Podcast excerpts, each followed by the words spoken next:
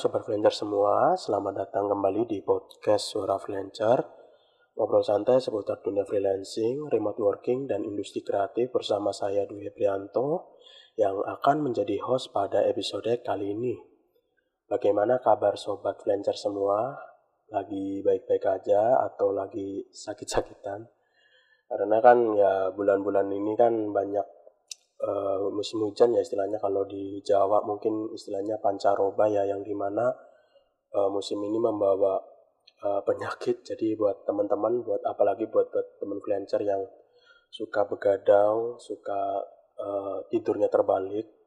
Jadi uh, siang buat tidur malam buat uh, kerja itu hati-hati karena ya gampang banget uh, penyakit masuk dari jam-jam uh, itu gitu. Istilahnya uh, tetap jaga kesehatan, tetap uh, atur pola makan, olahraga, terus banyakin minum vitamin juga, dan banyakin juga minum air putih, istilahnya seperti itu. Dan kali ini kita kedatangan tamu yang spesial banget, tamu yang di mana pendengar suara Flancer itu uh, sepertinya itu sangat menanti-menantikan, sangat menantinya gitu. Masalahnya kan setiap aku buka WhatsApp itu pertanyaan yang masuk itu rata-rata dari teman-teman freelancer yang jualan di Fiverr. Jadi buat teman-teman freelancer yang main di Fiverr, di platform Fiverr, uh, wajib dengerin podcast ini sampai selesai. Istilahnya uh, ke depannya ini pembicaraan kita itu kayaknya daging banget. Uh, apalagi buat teman-teman yang istilahnya serius meniti karir di Fiverr. Uh, di sini nanti uh, ada tamu kita yang akan menceritakan da perjalanan dari nol istilahnya perjalanan dari awal sampai ke tahap uh, sekarang. Ya sesuai judul podcastnya uh, kita kedatangan tamu yaitu namanya Mas Ranggade Mas Ranggade ini adalah seorang top rated seller. Yang merupakan top rated seller ini adalah uh, menurut saya sendiri itu uh, level tertinggi di Fiverr. Jadi buat teman-teman yang pengen kayak Mas Rangga ya wajib uh, sekali lagi dengerin sampai selesai. Tapi sebelum kita lanjut ngobrol tentang top rated seller atau nanti kita bahas uh, lebih lanjut, enaknya uh, kita kenalan dulu dengan Mas Rangga biar ya istilahnya kan ada pepatah tak kenal dan tak kenal maka tak sayang gitu ya. Jadi ya istilahnya kita kenalan sambil nyapa dulu ya enaknya ya. Oke, halo Mas Rangga. Halo Mas Dwi. Halo, Halo. gimana nih kabarnya Halo. nih? Lagi rame orderan atau gimana nih? Alhamdulillah, kabarnya baik-baik aja sih. Orderan juga okay. bisa dibilang stabil sih, stabil-stabil aja. Uh, uh. Tiap hari ada okay. ada aja lah satu dua yang masuk, terutama dari dari uh -uh. langganan sih. Banyak-banyaknya dari langganan okay. sekarang sekarang ini. Repeat buyer ya? Iya, dari repeat buyer. -uh. Banyak kan. Oke. Okay. Oke, sebelum kita lanjut ke topik pembahasan lainnya, tadi sudah kita tahu uh, kabar dari Mas Rangga. Enaknya ya kita kenalan secara intens atau secara personal, biar lebih enak itu. Mas Rangga boleh kenalan dari nama, domisili, profesi, dan Instagramnya. Siapa tahu kan ada cewek itu. Oke, amin. Semoga ada. atau ada si ada teman suara freelancer yang mau follow Instagramnya Mas Rangga buat mungkin ditanyain atau jadi role model atau apa silakan Mas Rangga. Oke baik mungkin pertama-tama saya ucapkan terima kasih banyak buat Mas Dwi udah udah mau okay. mengundang saya di di suara freelancer. Baik okay. perkenalkan nama saya Rangga Derajat atau bisa dipanggil Rangga D uh, oh, usia usia saya sekarang 21 tahun saya asli hmm. orang Ciamis tapi sekarang sekarang tinggal di kota Tasikmalaya hmm. sendirian hmm. pekerjaan sehari-hari uh, bikin muka orang jadi kartun atau mungkin kerennya itu bikin kartun potret untuk yang bikin kartun uh. kartun potret itu kayak gimana bisa cek di Instagram saya di @rangga.d dan juga ada di second second account hmm. Instagram hmm. saya yang isinya jauh lebih bagus menurut saya yang isinya cuma fun art di at rangga di at underscore rangga dot d underscore oke okay. oke okay. nanti istilahnya nanti aku tag lah ketika aku update podcast biar teman-teman itu tinggal klik aja. Iya, iya, iya. Oh, aku aku baru tahu ya Rangga D itu D-nya itu kepanjangan Iya, ya. Aku kira. Namanya namanya benar-benar Rangga D. Bukan ya? Jadi jadi Oke, oke. Benar-benar D. Mm, Ya istilahnya lebih kerennya kali ya Iya. biar enak Iya, lebih di, enak. di diinget. Uh, Biar mudah diingat juga ya.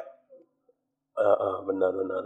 Nah itu teman-teman soal Mas Rangga udah memperkenalkan diri.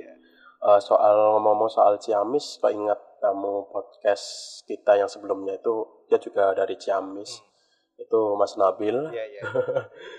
ya mungkin ya walaupun sekarang Mas Rangga tadi uh, sekarang ada di Tasik ya. Iya, sekarang Tasik. tinggalnya di Tasik. Mm-mm. Nah itu mungkin bisa ketemu. Ayo, ayo, ayo Oke, up. sebelum Nah, iya oke. Oke, sebelum kita melanjutkan inti pembahasannya, aku mau sedikit disclaimer bahwa uh, podcast ini di take atau di rec- record atau direkam secara online. Jadi, semisal ada kata-kata yang kurang jelas atau ada noise yang lewat atau kadang uh, ada suara-suara yang kelewat sensor atau apa, uh, mohon maaf ya buat teman-teman. Uh, semisal nanti ada bagian tertentu yang kurang jelas, mungkin bisa uh, teman-teman tanyakan ke saya sendiri atau ya mungkin kalau Mas Rangga mau jawab silakan gitu. Oke, siap. Oke, istilahnya ya begitu karena ya uh, maaf banget semisal episode-episode barengan ini atau duet ini nggak maksimal ya karena uh, kita memakai device masing-masing ya yang istilahnya kan beda-beda dan uh, pengeditannya pun juga istilahnya berbeda. Jadi ya kurang maksimal ya mudah-mudahan eh, tahun besok aku ya bisa gitu punya studio record sendiri istilahnya biar lebih baik dan lebih oke lah buat eh, mendatangkan tamu podcast suara flancer gitu. Amin, amin. amin. Oke oke. Oke setelah kita berkenalan dengan Mas Rangga ini ada beberapa topik yang ingin saya tanyakan sekaligus juga beberapa pertanyaan yang sobat Flancer sudah submit kemarin lewat WhatsApp maupun lewat Instagram. Bahkan ya bahkan di Facebook juga ada tapi eh, di Facebook saya rangkup ke WhatsApp. Jadi intinya WhatsApp sama Instagram sih. Yang di Facebook cuma satu doang. Nah ini ada beberapa pertanyaan juga. Nanti eh, kita jawab atau Mas Rangga jawab di akhir eh, topik ba- pembahasannya. Oke, siap. intinya sekarang kita akan menanyakan beberapa topik yang mungkin bisa uh, Mas Rangga jawab dan teman-teman bisa ambil sebagai ilmu dan pengalaman yang bisa teman-teman praktekkan ke depannya gitu. Sharing-sharing aja gitu ya. Ah, ada- benar. ada. Jadi intinya Kita sharing-sharing aja. iya benar. Mm-mm, Emang basisnya suara flancer itu lebih ke sharing sih. Saya juga masih terus belajar kok. Nah ya benar. Jadi ya emang kalau orang berbagi itu nggak harus nunggu pro gitulah, nggak harus nunggu nggak harus nunggu ahli lah istilahnya kalau kita mau berbagi ya tinggal berbagi aja gitu kan. Iya, benar banget. Istilahnya kayak kayak orang berbagi materi atau uang atau apa gitu sedekah istilahnya kan kita nggak harus nunggu kaya dulu kan kalau mau berbagi kita ya asalkan kita ikhlas dan kita mau dan mampu ya oke oke aja Setuju, setuju. sama kayak ilmu Ya, setuju banget. oke Oke. Oke, sekarang aku mau tanya soal aktivitas sehari-hari Mas Rangga nih, kan sebagai freelancer, ya kan freelancer kan beda-beda ya istilahnya. Kalau saya sendiri ya bisa dibilang eh, graphic designer, ilustrator. Nah kalau Mas Rangga itu ngapain sih eh, aktivitas sehari-harinya? Sehari-hari ya kebanyakan ngedit foto orang sih dari dari seminggu Iya, itu dari Senin ke Senin, dari minggu ke minggu kebanyakan ngedit foto orang. Tapi kalau di weekend ya kalau di weekend itu Sabtu sama Minggu itu agak melonggarkan diri. Yang pasti tiap hari masih aja Hmm. tetap ada tetap ada kerjaan. Alhamdulillah tiap hari ada aja. Mm-mm. Tapi untuk khusus di weekend saya suka melonggarkan diri aja gitu Mas buat buat sekedar keluar makan, cari makan tempat baru, eh, Oke. olahraga kayak gitu-gitu sih. Mm-mm. Keluar nonton dan Mau semuanya. nonton juga? Hah? Iya gimana? Nonton juga? Iya, nonton. Ada bioskop, Ada di situ bioskop deket, maksudnya? deket banget bioskop di Hmm. sini. Tinggal istilahnya ya tinggal lari sih kalau kalau mau tinggal Waduh. jogging lari langsung sampai deket ke Transmart rumahnya kebetulan. Mm-mm. Mm-mm. Iya Iya. Jadi kalau daerah aku anu nggak ada bioskop jadi Oh, ya nggak bisa. iya. Oke, jadi bisa dibilang hmm, manajemen waktunya Mas Rangga itu cukup baik ya, bahkan bisa menyempatkan hari Sabtu dan Minggu untuk istilahnya me time ya, Nah, istilahnya iya, untuk iya. uh, waktu diri sendiri Iya, gitu. Oke, bagus sih. Makanya kualitas vektor vekselnya itu, eh kartun portretnya itu terjaga ya karena manajemennya itu cukup baik gitu. Istilahnya dia eh, Mas Rangga pun juga memikirkan manajemen stresnya juga. Nah, benar banget. keren Iya, sih. Ya, itu. Makasih. Makasih. Oke. Lalu untuk selain jiplak istilahnya, Iya. jiplak ya. Iya, emang emang jiplak sih, nggak nggak salah Ya, juga. Memang jiplak ya istilahnya, tapi kalau jiplak kan cuma plak-plak doang. Ini kan istilahnya ada ada seni kan. Kalau teman-teman lihat uh, vekselnya Mas Rangga itu high quality. Oh, iya, Coba makasih, teman-teman nanti semisal habis denger ini langsung cek gitu. Ya pasti bagus gitu. Nah itu selain uh, mengubah foto orang jadi kartun istilahnya, itu ada bisnis lain gak sih atau ada kerjaan lain gak sih? Kerjaan lain nggak ada sih mas, Hmm. nggak ada. Ini benar-benar jadi kayak kerjaan utama banget. Mm-mm. Iya, udah fokus ke sini udah dari lama.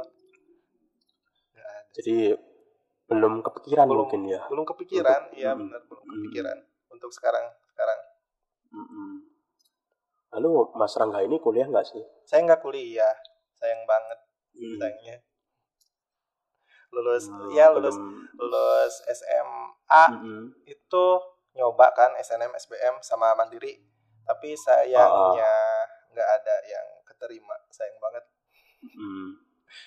aduh sedih sih itu waktu Terus itu jadi uh, uh, jadi belum meniatkan diri untuk kuliah lagi ya. iya Oke. Kalau misal ke depannya itu ada rencana nggak? Untuk kuliah Mungkin. Mm-mm. untuk kuliah kayaknya enggak deh mas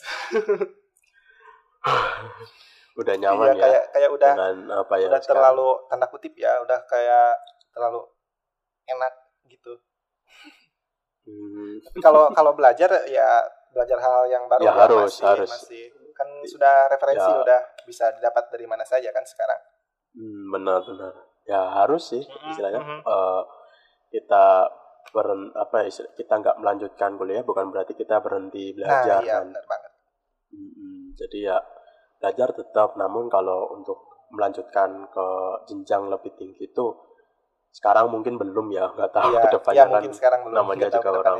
Iya, iya.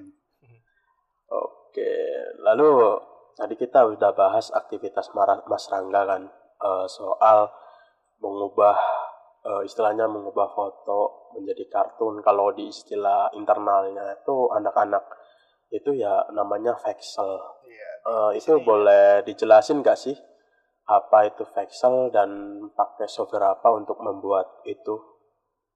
Oke, emang di Indonesia sih eh, dikenalnya itu disebut vexel art, vector art sama sama vector art ya. Hmm, benar Kalau di luar sana Mm-mm. biasa orang tuh biasa nyebutnya kartun potret doang. Jadi saya juga biasa sebutnya itu Hmm. kartun potret sih. Tapi kalau disuruh jelasin Mm-mm. mungkin vexel sama vector itu kan dari basis soft, eh, softwarenya ya, softwarenya. Mm-mm. Kalau vexel itu kan hasilnya jadi bitmap atau raster gitu ya. Jadi Mm-mm. aplikasi yang digunakan itu eh macam Photoshop, emang Photoshop sih. Kebanyakan Photoshop sih yang saya Mm-mm. tahu. Jadi hasilnya itu Iya. pecah. Kalau vektor, ya basisnya Oke. vektor tentu saja. Kalau eh, kayak aplikasi Adobe Illustrator, Inkscape, Corel Draw, hasilnya itu kalau vektor nggak pecah. Udah sih kalau dari nama Mm-mm. itu sih jelas eh, perbedaannya. Intinya kalau pixel itu hasilnya pecah kalau di zoom, kalau di resize ke ukuran yang besar. Kalau vektor nggak bakal pecah, udah Mm-mm. gitu aja. Itu aja Mm-mm. sih. Oke. Untuk hasil sih ya jadinya kartun potret, jadi kartun sama-sama aja untuk hasil jadinya mah. Iya. Iya. Istilahnya kalau istilahnya kalau istilahnya itu kartun potretnya cuma Mhm. uh, beberapa orang itu kan punya caranya sendiri-sendiri lah istilahnya. Ada yang memakai uh, software berbasis bitmap, ada juga yang memakai uh, software berbasis vektor gitu Nah, kan Nah, tinggal iya ya itu. kembali lagi sih kembali lagi ke orangnya Apalagi ke orangnya. dan ya. kalau aku lihat mm-mm, kalau li- aku lihat kalau orang pakai bitmap atau voxel itu kan orang yang suka main apa ya istilahnya masking kali ya yang menggunakan brush gitu kan Iya warna-warnanya. Nah, emang basisnya di situ. Mm-mm. Mm-mm. Jadi istilahnya eh apa ya software yang berbasis Vexel atau bitmap itu eh, penggunaannya itu untuk brush. Kalau kalau berbasis vektor eh, bisa nggak pakai brush? Ya bisa, cuma berat gitu istilahnya. Jadi ya kalau kita mm, kembalikan lagi ke fungsinya masing-masing itu kalau software berbasis bitmap itu istilahnya itu pengguna penggunanya itu istilahnya lebih banyak menggunakan brush. Hmm. Lalu kalau vektor itu lebih banyak menggunakan shaping istilahnya seperti itu sih. Ya nanti Iya. aku bahas lebih lanjut sih nanti episode ada sendiri. Sebenarnya aku pengen banget eh, bahas kedua itu karena itu banyak, sih, eh, teman-teman mm-mm, Iya. banyak teman-teman kita yang kadang salah paham kedua Iya, itu. iya. Tapi walaupun it- kedua itu berbeda, orang luar tetap menyebutnya itu kartun Kartu potret. iya. Oke, oke, nice pembahasannya. oke, selain Vexel ataupun kartun portrait, eh, Mas Rangga itu main apa lagi di bidang desain? Yang saya bisa itu buat avatar kayak foto profil Instagram saya terus sama anime style. Hmm, Dulu hmm, lumayan style juga ya ya. anime style. Dulu lumayan lumayan laku tuh itu di Fiverr punya saya. Mm-mm. Tapi sekarang tetap aja balik lagi ke kartun potret yang paling lakunya yang jadi utamanya. Sekarang kapan ya terakhir kali ada buyer yang order anime style atau avatar itu? Udah agak lama sih. Mm-mm. Udah agak lama, udah agak lama ya. Tapi bisa, bisa the style itu. Oke, berarti sebelumnya bisa dikatakan walaupun sekarang berhenti, sebelumnya itu pernah anime style sama apa Sama tadi Avatar. yang buat foto profil yang buat itu ya? profil ya, Avatar. kayak karakter gitu. Oke. Jatuhnya. Hmm, paham, paham. Tapi khusus tetap aja eh, tetap di muka gitu. Oh, portrait lagi ya istilahnya ya. Iya. Oke oke, mungkin dari stylenya berbeda kali ya. Mm-mm. Mm-mm. Gitu. Oke. Lalu aku juga penasaran kenapa sih Mas Rangga ini memilih atau lebih suka kartun portrait kalau di bidang ilustrasi ataupun desain kan kan kalau kita lihat di bidang ilustrasi itu kan Banyak ya. eh, apa ya banyak kan istilahnya ada digital painting, ada mecha ataupun desain grafis sendiri itu ada logo dan lain sebagainya, ada flyer. Mm. Itu kenapa Mas harus kartun Kenapa harus portrait? kartun? Kenapa harus kartun potret benar. ya? Apalagi dong kan kartun potret itu kan sesuatu yang sangat mudah untuk dipelajari ya. Mm-mm. Semua orang bisa dengan gampangnya Ah, ah. membuat desain jenis ini. Nggak terlalu Ah, ah. membutuhkan skill yang sangat tinggi juga gitu. Tinggal trace sana, trace sini. Heeh. Jadi deh kartun portrait. itu mungkin ya sederhana. Tapi eh, sebenarnya ya kalau mau lebay dikit, saya itu kadang eh, gini nih. Saya itu kadang kalau lagi main atau lagi keluar gitu lihat ekspresi orang, lihat wajah orang, lihat Hmm. gimana ya eh, yang berpapasan sama saya itu ya kayak dari wajah aja dari kita lihat wajah mereka Mm-mm. aja kayak itu mereka itu kayak punya cerita gitu dari wajah mereka aja ya benar Oh. dari hanya dilihat dari muka Mm-mm. mereka aja eh, kayak langsung berspekulasi kayak ini orang pasti habis ini ini orang pasti habis itu. Ini orang pasti eh, Mm-mm. telah melewati sesuatu yang sangat spesial di hari hari mereka. Kayak dari wajah aja sudah bisa menceritakan sesuatu gitu. Walaupun Hmm. dikit ya walaupun dikit. Dan juga tiap wajah kan ada ciri khasnya sendiri.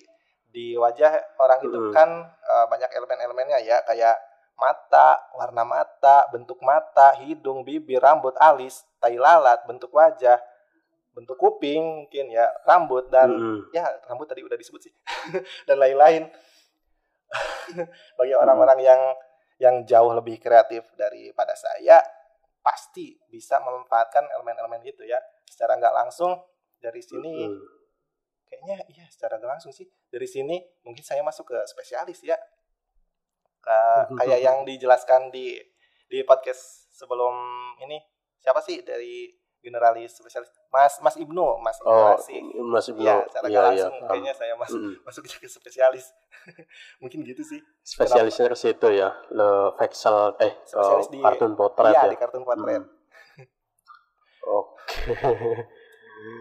Jadi begitu ya so- eh, soal kenapa Mas Rangga eh, suka dengan ilustrasi kartun potret. Sekaligus tadi Karena kayaknya. Mas Rangga cocok lebih gampang ya Iya, istilahnya karena tinggal trace sana sini. Tapi kalau trace pun juga apa ya istilahnya ada seninya sendiri kan nggak mungkin juga kalau kita asal trace itu bagus kan. Istilahnya kalau kita gambar istilahnya kalau kita gambar jiplak pun juga kita harus butuh namanya konsisten apa ya istilahnya ya istilahnya ya eh, ketika kita garis pun juga ada ada tekniknya biar garis itu nggak nggak pletot-pletot lah istilahnya seperti itu. Iya, iya, iya, iya. Ya istilahnya kan walaupun jiplak ada improve-nya juga kan kalau Mas Iya, ada, ini. ada, ada improve-nya juga sih. Hmm. Jadi nggak Hmm, benar-benar nggak benar-benar 100% jiplak gitu. Walaupun Ah, iya, kebanyakan benar. jiplak sih pasti. Oke, itu mungkin eh, soal penjelasannya tadi ya. Dan mungkin Mas eh, boleh kasih tahu nggak sih, misal dulu, dulu kan Mas kan ada gitu eh, masa-masa belajarnya. Itu eh, boleh diceritain nggak awal mula eh, Mas belajar kartun potret itu dari mana, kapan gitu? Itu boleh dijelasin nggak? dari mana dari kapan ya mungkin kalau ditarik jauh banget bisa Mm-mm. dibilang dari SD sih dari SD waktu SD suka nonton nonton Naruto di TV dulu kan di Global TV tuh Ah. di Global TV kalau gak salah mulai Mm. pukul 6 sore sampai jam 7 dua episode tuh nah Mm. dari kan suka Mm, banget bener. Naruto tuh mulai deh coret coret coret di kertas kan gambar karakter Naruto sama temen-temennya itu Nah dari situ sih. Mulainya manual justru. Heeh. gambar coret-coret manual di SD mulainya. Terus wak- singkat cerita mungkin ke SMP kelas 1 mulai tahu foto itu bisa diedit di komputer. Kalau nggak salah di tahun SMP kelas 1. Tahun berapa ya? 2000 tahun 2012 kali ya 2011 2010 11 ya sekitaran oke sekitaran tahun itu mulai tahu tuh kan Mm-mm. suka main ke warnet tuh ke warnet juga sebenarnya Mm-mm. buat ngerjain tugas nah ada aplikasi namanya tuh Photoscape tahu gak mas Hmm. yang gambarnya Photoscape ya Photoscape, Photoscape. yang dulu Jadi- main filter atau apa itu iya kan iya filter cuma buat filter- cropping cropping itu Mm-mm, mm-mm, oh iya. iya iya Nah, iya, baru iya tahu. paham aplikasi editing di komputer itu tuh waktu main ke warnet terus Mm-mm. mungkin kelas 2 ya baru baru tahu Photoshop Mm-mm. baru mulai buka Mm-mm. Photoshop tuh di kelas kelas 2 SMP belajar kayak Mm-mm. ganti background seleksi objek eh, manipulasi kecil-kecil kayak gitu-gitu tuh. Sama kelas 2 juga sebenarnya mah eh, yang pertama kali muncul seni itu sebenarnya di musik. Nah kelas 2 ini juga mulai tuh Oke. belajar gitar itu di kelas 2 SMP sebenarnya lebih dulu lebih dulu main musik dibanding eh, jiplak-jiplak gambar itu. Daripada kenapa? kenapa? kenapa seriusnya itu bukan ke musik? Nah itu di di pas SMA tuh. Di pas Hmm. SMA SMA pas SMA agak agak agak bingung mau pilih serius di musik apa di kartun potret. Soalnya pas kelas Hmm. 1 SMA di SMA kan SMA saya kan eh, SMA informatika ya. Sama aja sih Oke. sebenarnya kayak SMA SMA biasa punya jurusan IPA IPS saya juga lulusan jurusan IPA tapi di sini tuh ada oke. em, pelajaran keunggulan yang spesial gitu. Kayak eh, keinformatikan itu hardware, software sama multimedia gitu. Jadi mirip-mirip SMK. Nah, di sini tuh mulai tuh tahu eh, kartun potret itu dari Facebook, di grup-grup Facebook. Mm-mm. Di grup Photoshop awalnya itu dari grupnya Daeng Vicky. Vicky Mm-mm. Multimedia Art kalau nggak salah nama nama nickname-nya dulu. Dari Makassar itu dia itu. Dulu sih awalnya pas SMA belajarnya malah ke manipulasi justru Mm-mm. ya justru yang dipelajari Photoshop itu malah manipulasi ya terus tahu kartun potret itu dari kakak kelas di ekskul di ekskul bocah lab namanya itu ekskulnya bocah lab Mm-mm. jadi di ekskul ini tuh eh, banyak orang-orang kreatif lah nggak Mhm. yang yang jadi bahasan juga eh, macam-macam di hardware software multimedia. Lebih dibahas lebih lah pokoknya di ekskul ini. Banyak orang-orang Mhm. kreatif juga. Nggak hanya di desain grafis ada yang main di arsitek 3D animasi eh, apa ya lagi? Banyak sih. Tapi ya itu berhubung kartun potret ini yang paling gampang ya. Berhubung kartun potret yang paling gampang ya keterusan jadinya udah dari SD juga kebetulan ya suka suka gambar gitu suka gambar manual Hmm, oke oke. terus mungkin lanjut ke grup belajar vektor veksel nah baru deh di grup ini Hmm. nih Eh, benar-benar belajar Serius ya. Nah, iya benar, benar-benar belajar serius di di kartun potret ini. Banyak banget soalnya yang share tips, trik, tutorial, kayak Mm-mm. gitu-gitu. Terus eh, kelas 2 SMA kali ya di tahun 2015 16 gitu. Baru punya laptop, baru dibeliin laptop sama orang tua. Makin terus dong mendalami kartun potret doang, makin explore Hmm. style yang gitu-gitu, makin banyak eh, latihan jam terbang. Dulu tuh Hmm. style style saya itu di kartun potret malah ke semi realis malah hasilnya tuh. Gak kartun-kartun banget sih. Iya, iya hasilnya. Jadi kayak realis gitu. Gak. Kebanyakan explore explore style itu di di kelas 2 SMA ya. Sampai sampai Heeh. juara kan ada tuh lomba eh, lomba desain poster ya FLS 2N sampai juara satu dong sekabupaten. Keren, keren, keren. Padahal cuma cuma based on kan dari foto referensi.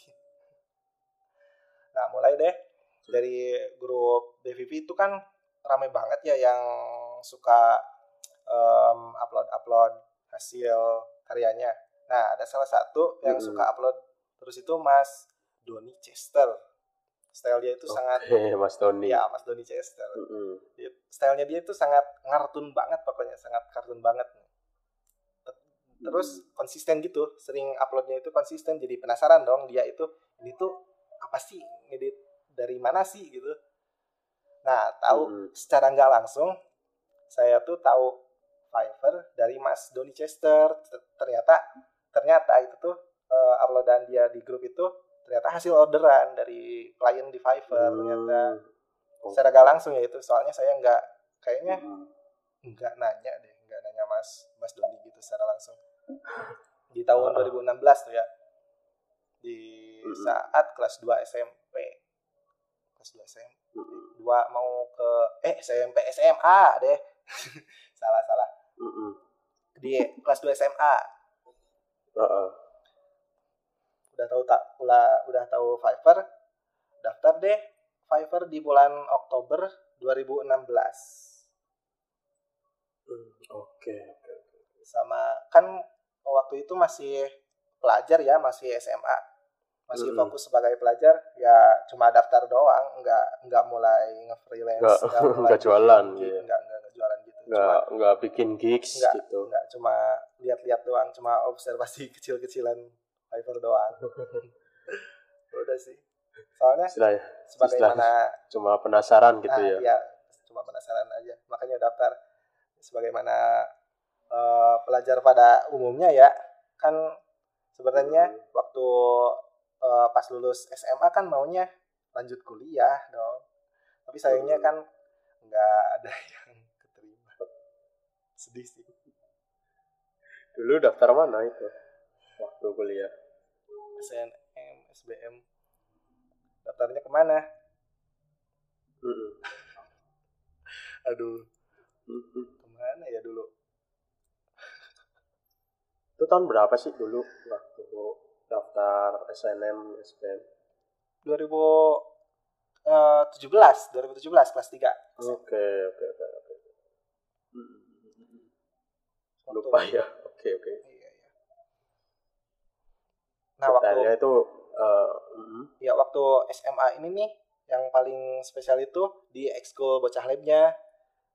mm, Jadi tiap malam minggu eh, saya tuh sama sama teman-teman suka nginep gitu di sekolah buat sharing-sharing sama alumni, sama sama senior yang masih ada. Jadi lebih mendalami itu tiap malam minggu sama sama alumni-alumni. Itu sih yang bikin cepet cepet bisa ya cepet bisa ya cepet menguasai. Seru gitu. Tiap malam minggu malah malah kumpul-kumpul di sekolah saat orang lain tidur gitu itu istirahat. itu dari dari dari sekolah memperbolehkan nggak sih kumpul-kumpul di dan dipinjemin labnya Nah, kalau dulu kalau dulu mah aman-aman aja. Kalau sekarang katanya katanya nggak boleh sih. Mm. Sekarang dulu mah aman-aman aja. Katanya sih banyak alat kayaknya yang, kayak yang rusak Hilang gitu sama ya. hilang. Jadi nggak ah, berlanjut. kayak itu Hmm, oke oke oke Untungnya mah pas Selain- angkatan Hmm, saya masih aman-aman aja. hmm, ya ya istilahnya karena kejadian itu ya eh, kejadian rusak terus hilang bahkan sampai hilang itu jadi eh, labnya itu nggak boleh Nggak boleh di eh, dipinjam lagi Iya. ya Oke, itu ya soal eh, Mas Rangga eh, awal mulanya belajar vector portrait. Tadi dijelasin panjang, awal mulanya itu dari ekskul ex eh, ekskul bocah lab ya tadi ya. Iya, namanya bocah lab. Eh, bocah lab. Terus Mas Rangga lalu gabung di grup Photoshop. Dan setelah gabung grup, grup Photoshop itu masuk ke BVV ya. Iya, di grup. Ya namanya grupnya BVV kan ya. Iya, belajar Oke. vektor, vexel. ya terus Mas Rangga juga tadi sempat nyinggung eh, Mas Tony juga aku juga pengen ngundang dia tapi nggak tahu nih kapan sih jadi ya Mas. buat teman-teman yang mungkin pengen dengerin ya tunggu aja Mas Tony Mas Tony Chester Iya, Mas Dani. pengen ngundang dia sih Eh, pengen tanya gimana cara dia konsisten gitu kan. Eh, ya istilahnya kan kalau kita kita lihat stylenya kan kayak gitu ya. Istilahnya ya apa ya Sangat eh, berbeda. khas. Iya khas unik dan konsisten gitu. Iya. yang konsistennya yang susah. Istilahnya kan kalau kita lihat eh, anak-anak vektor sekarang kan lihat ah, style sebelah rame ngikutin gitu langsung kan Oh, iya Lambat. banget nah kalau Mas Sony kan enggak Mas Sony kan istilahnya paling cuma merubah dari vek- vektor apa jadi export gitu kan Hmm, kalau kita lihat Iya, iya, iya. Nah, seperti itu. Aku pengen tahu dari sisi itunya itu gimana. Nah, seperti itu teman-teman. Tadi juga dijelasin bahwa referensi itu Mas Rangga itu masuk grup PVV buat teman-teman yang mungkin belum join ya. Masih ada nggak sih grupnya? Masih kan ya? Masih masih ada sih. Tapi udah lama sih saya Masih ada. aktif di grup. Iya, nggak muncul muncul nggak muncul di beranda juga sih grup itu udah. Oke, jadi eh, itu cerita Mas Rangga awal mula dan kenapa eh, Mas Rangga terjun ke karton potret. Lalu selanjutnya aku juga penasaran soal mendapatkan klien pertama kali, entah itu lokal ataupun luar lokal. Bisa diceritakan nggak Mas? Oke. Eh, mungkin pas eh, lulus SMA dulu ya. Pas lulus SMA kan nggak nggak jadi tuh kuliah. Sempet Mm-mm. bingung, bingung mau ngapain nih? Iya. Ngapain ya? Sempet Heeh. juga lamar lamar kirim lamaran kerja ke perusahaan-perusahaan gitu.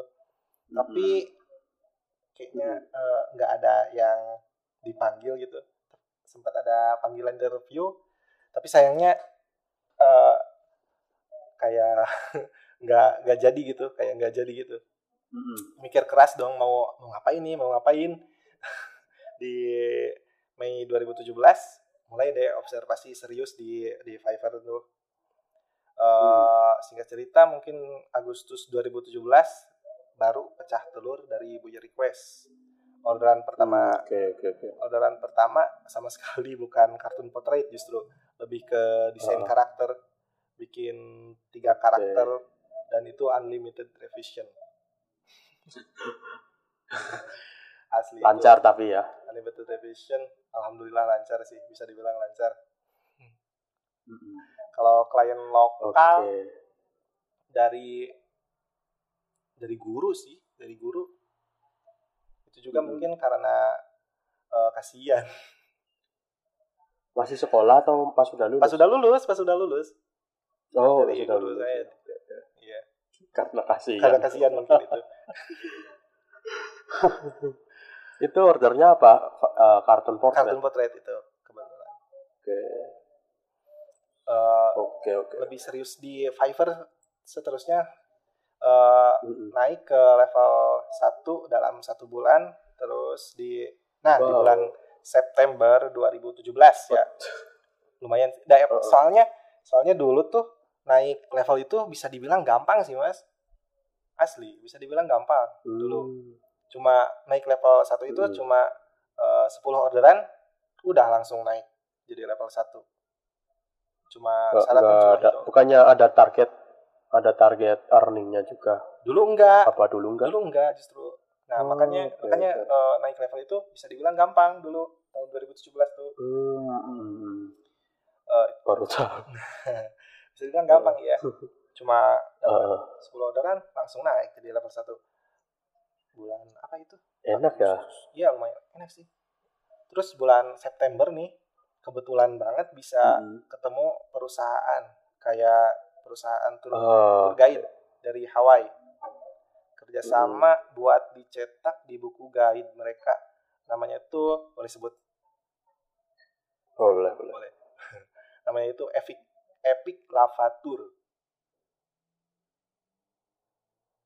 Kerjasama sampai Oke, bulan oke, oke, apa oke, ya. Eh, tiga bulan apa dua bulan ya sama mereka ini kebetulan banget Hmm.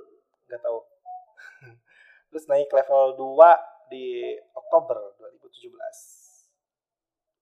Oke, oke, oke. Cepet juga ya. lumayan cepet sih Saat ya. saat saat naik level 2 masih eh, maksudnya masih berdasarkan jumlah orderan atau udah ada target earningnya? target earning kayak Mm-mm. Pas level 1 ke level 2. Nggak nggak ada sama aja sama aja Hmm, sama aja. syaratnya itu eh, 50 order 50 orderan Mm-mm. langsung naik level 2 nggak ada Karena kalau nggak salah 60 ya, 60, 60 level ada. 1 ke level 2. Eh, masih 50 deh, masih 50. 50 50 order Cuma ya ada batasannya. Mm, Iya, iya. Ada batasannya 2000 2000 dolar baru bisa naik. nah itu Itu dulu sih. dulu cuma order dari jumlah order aja Enak sih. Iya. Orderan 5 dolar pun kalau sampai 50 ya naik, kan. naik iya tetap naik jadi level 2 Oke. itu bedanya bedanya Fiverr dulu sama yang sekarang Mm-mm. sekarang kan ada syarat em, earningnya ya kan ya Oke. earning. Oke, oke. oke. Oke, itu soal cara dapat klien pertama kali. Tadi dijelasin Iya. malah pertama kali malah eh, luar negeri ya dari Fiverr Iya. itu ya. pertama malah dari Fiverr di Agustus 2017 Oke. Yang lokal dari guru Yang itu pun dari guru kasih. itu asli sih pasti karena kasihan aja Ini anak ngapain gitu kan? Ternyata kasih Iya. coba aja lah Iya, gitu iya. ya mungkin ya. iya Eh, guru itu kayaknya tahu dari dari Facebook saya soalnya kan Hmm, buka hmm, hmm. open order gitu Oh iya iya iya. iya. terus Oke em, oke. tahun baru tahun baru Mm-mm. 2018 tahun baru Hmm. 2018 ya kalau nggak salah naikin harga dari 5 dolar ke 15 dolar dari semua Hmm. paket tuh ya jadi eh, basic package ditambahnya itu 10 em, Mhm. standar ditambah 10 premium juga ditambah 10 dolar Mm-mm. Terus eh, singkat cerita lagi di bulan Mei 2018 ketemu perusahaan lagi alhamdulillah Mm-mm. di Fiverr tapi ini masih di Fiverr Mm, mm, mm. Eh, kayak perusahaan ekspedisi gitu dia eh, karena orderannya lumayan gede nih ya dia itu kayak inisiatif cari Instagram dan akhirnya berlanjut di luar di luar akhirnya inisiatif dia sendiri sih sebenarnya Oke, oke, oke. kurang Oh, lebih itu untungnya Ya. Untungnya Instagramnya sama dengan Fiverr ya Iya. username-nya ya. iya sama kebetulan jadi gampang buat dicari Oke. di Fiverr Eh, kurang lebih ngerjain 200 kartun portrait dan semuanya half body itu tahun 2018, Mei, Mei 2018 eh, kurang lebih ngerjain 200 kartun portrait half body dalam beberapa batch nggak langsung sih jadi Mei 2018 Nggak semua. Mm. Juli sampai Agustus 2018 terus agak eh, melompong. Dari itu agak agak melompong sampai ke Maret 2019 sempat open lowongan pas mau lebaran dibantu dibantu sama dua orang masing-masing ngerjain 10 dan sisanya jelas sama saya sendiri soalnya buat kocak sih ini kocak sih. Oh, oh. soalnya soalnya saya itu benar-benar mempertahanin eh, apa ya mempertahanin kualitas gitu. Style. style ya pertama mempertahanin style gitu. Jadi open lowongannya cuma dikasih 20 potret doang sisanya. Saya sendiri yang ngerjain Bukan karena ini ya, bukan karena maruk mungkin, tapi lebih ke menjaga menjaga kualitas dan lebih style menjaga ya. style sih Oke, ya oke. lebih ke menjaga style Ah. Karena nggak nggak pasti ya setiap orang itu bisa sama walaupun sama-sama bagus, sama-sama keren gitu. Hmm, walaupun Maksudnya sama-sama bagus sama-sama detail, tapi kalau soal style itu kan kadang berbeda gitu. Jadi ya, nah ya itu benar untuk nah itu style. susahnya susahnya kartun potret itu tiap tiap orang tiap tangan itu kayak beda-beda aja gitu hasilnya Mm-mm. ada aja yang Oke. Oke, ini ngomong-ngomong soal style ya. Hmm. Ini aku tanya nih. Itu gimana sih eh, Mas Rangga itu bisa bikin style sendiri yang unik itu? Dulunya gimana? gimana ya kalau lebih lang em, style yang unik ya hmm, Mm-mm.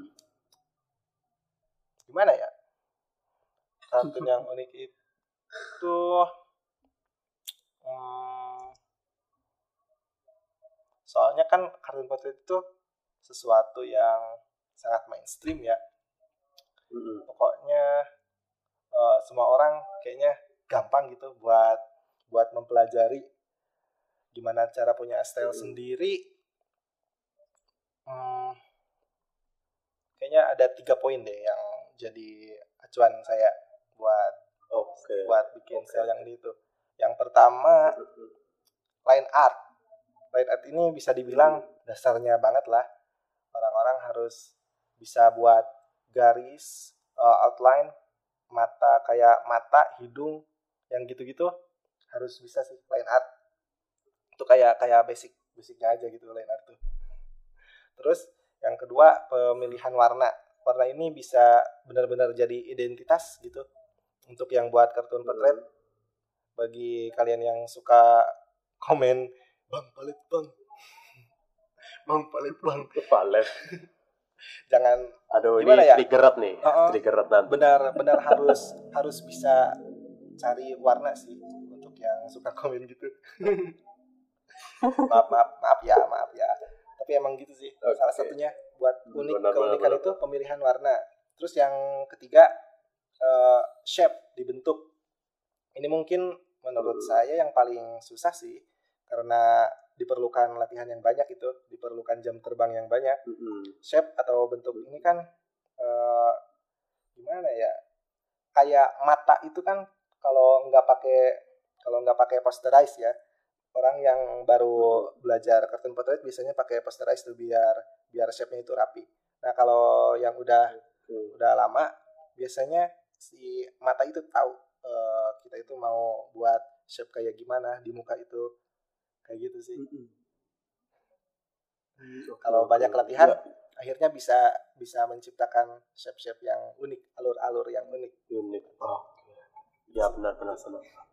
Bisa dibilang shape itu komponen utamanya ya istilahnya waktu aku dulu belajar vektor potret ya ini aku curhat dikit uh, karena kan juga pernah gitu uh, terjun di vektor potret itu ketika kita buat shaping sendiri pun kita uh, kalau aku sendiri dulu itu dibantu sama filter port uh, port porters apa ya namanya ya uh, portrait ya. ya ya ya, ya.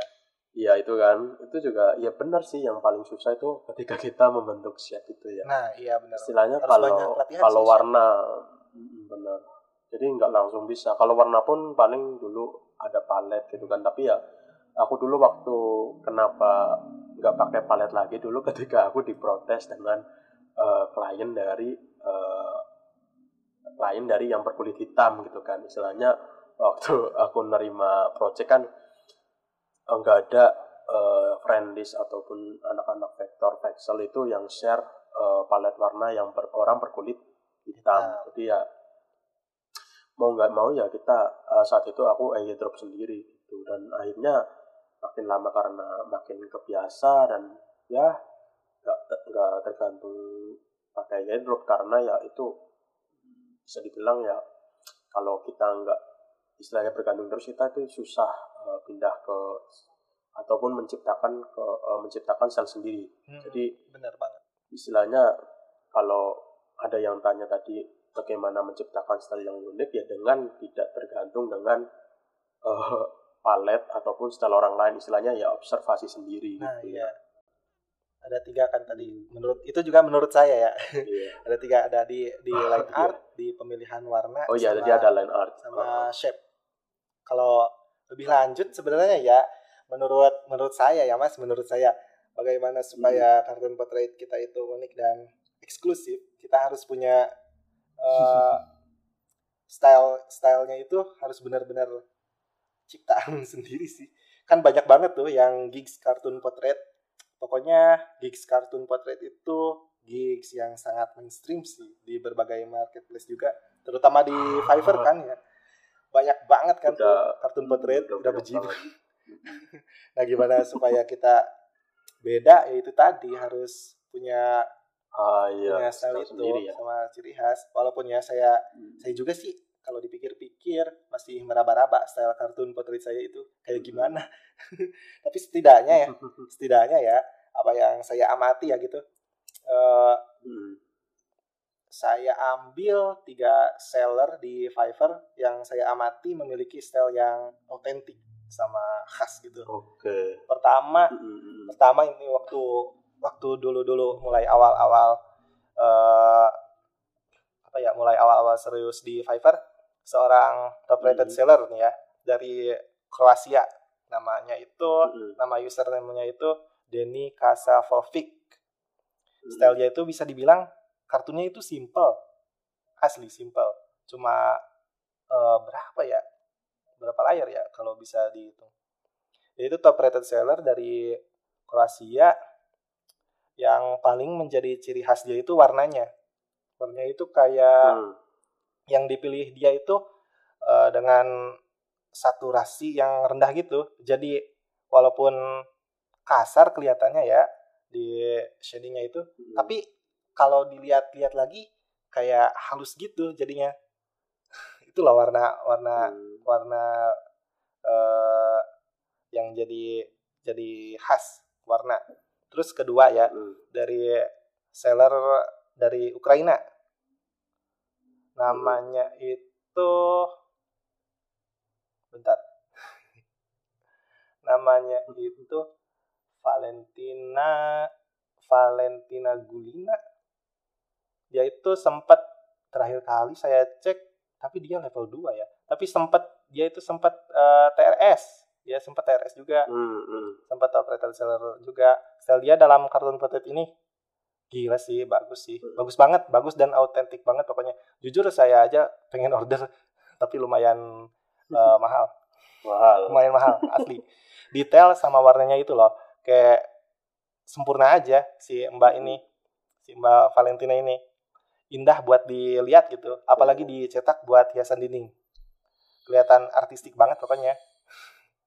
Dan yang terakhir ada TRS dari negara tetangga kita Malaysia dengan username hmm. Chris Data namanya itu Chris Data style dia ini cenderung realistik bahkan mungkin hyper realistik dengan Hmm. shading halus benar-benar halus pokoknya.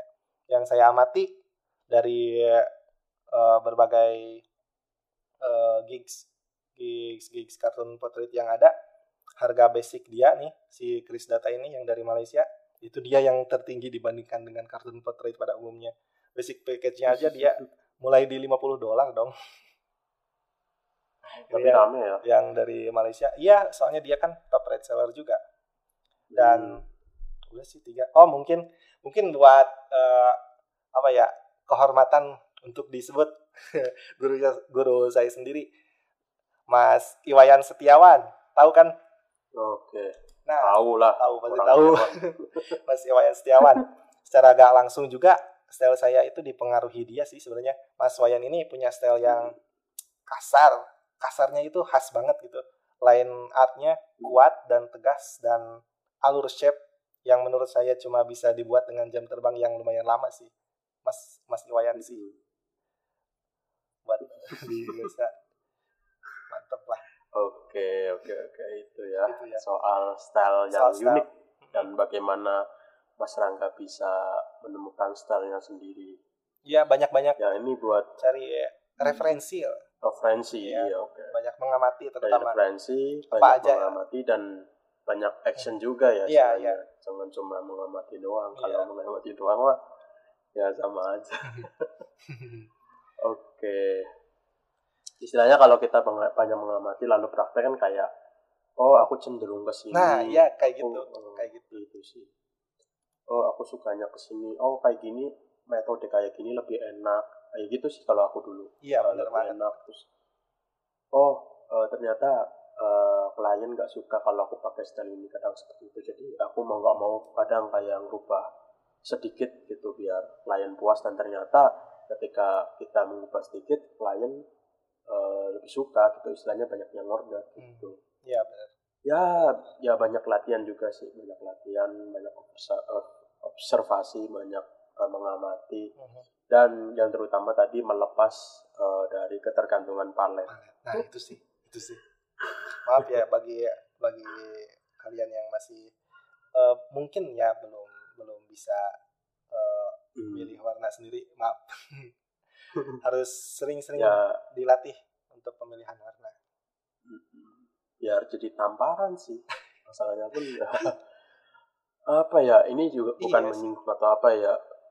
Eh, istilahnya yang mostly mostly ya kalau nggak salah ya. Aku kurang terlalu tahu orang ini. Oh Cuma- iya katanya palet uh, uh, pal- palet paletnya dia itu rame banget bahkan bahkan dikomersilkan gitu kan. Istilahnya kalau kita misal kita sebagai buyer gitu uh, mencari kartun potret kalau istilahnya semua seller itu patokannya ke palet itu ya nggak ada ciri khas sendiri gitu kan istilahnya. Hmm, iya Maka dari itu, warna. kita harus iya kita harus menciptakan style sendiri biar dipandang beda. Iya. Soalnya kan sih. portrait kan mainstream banget gitu.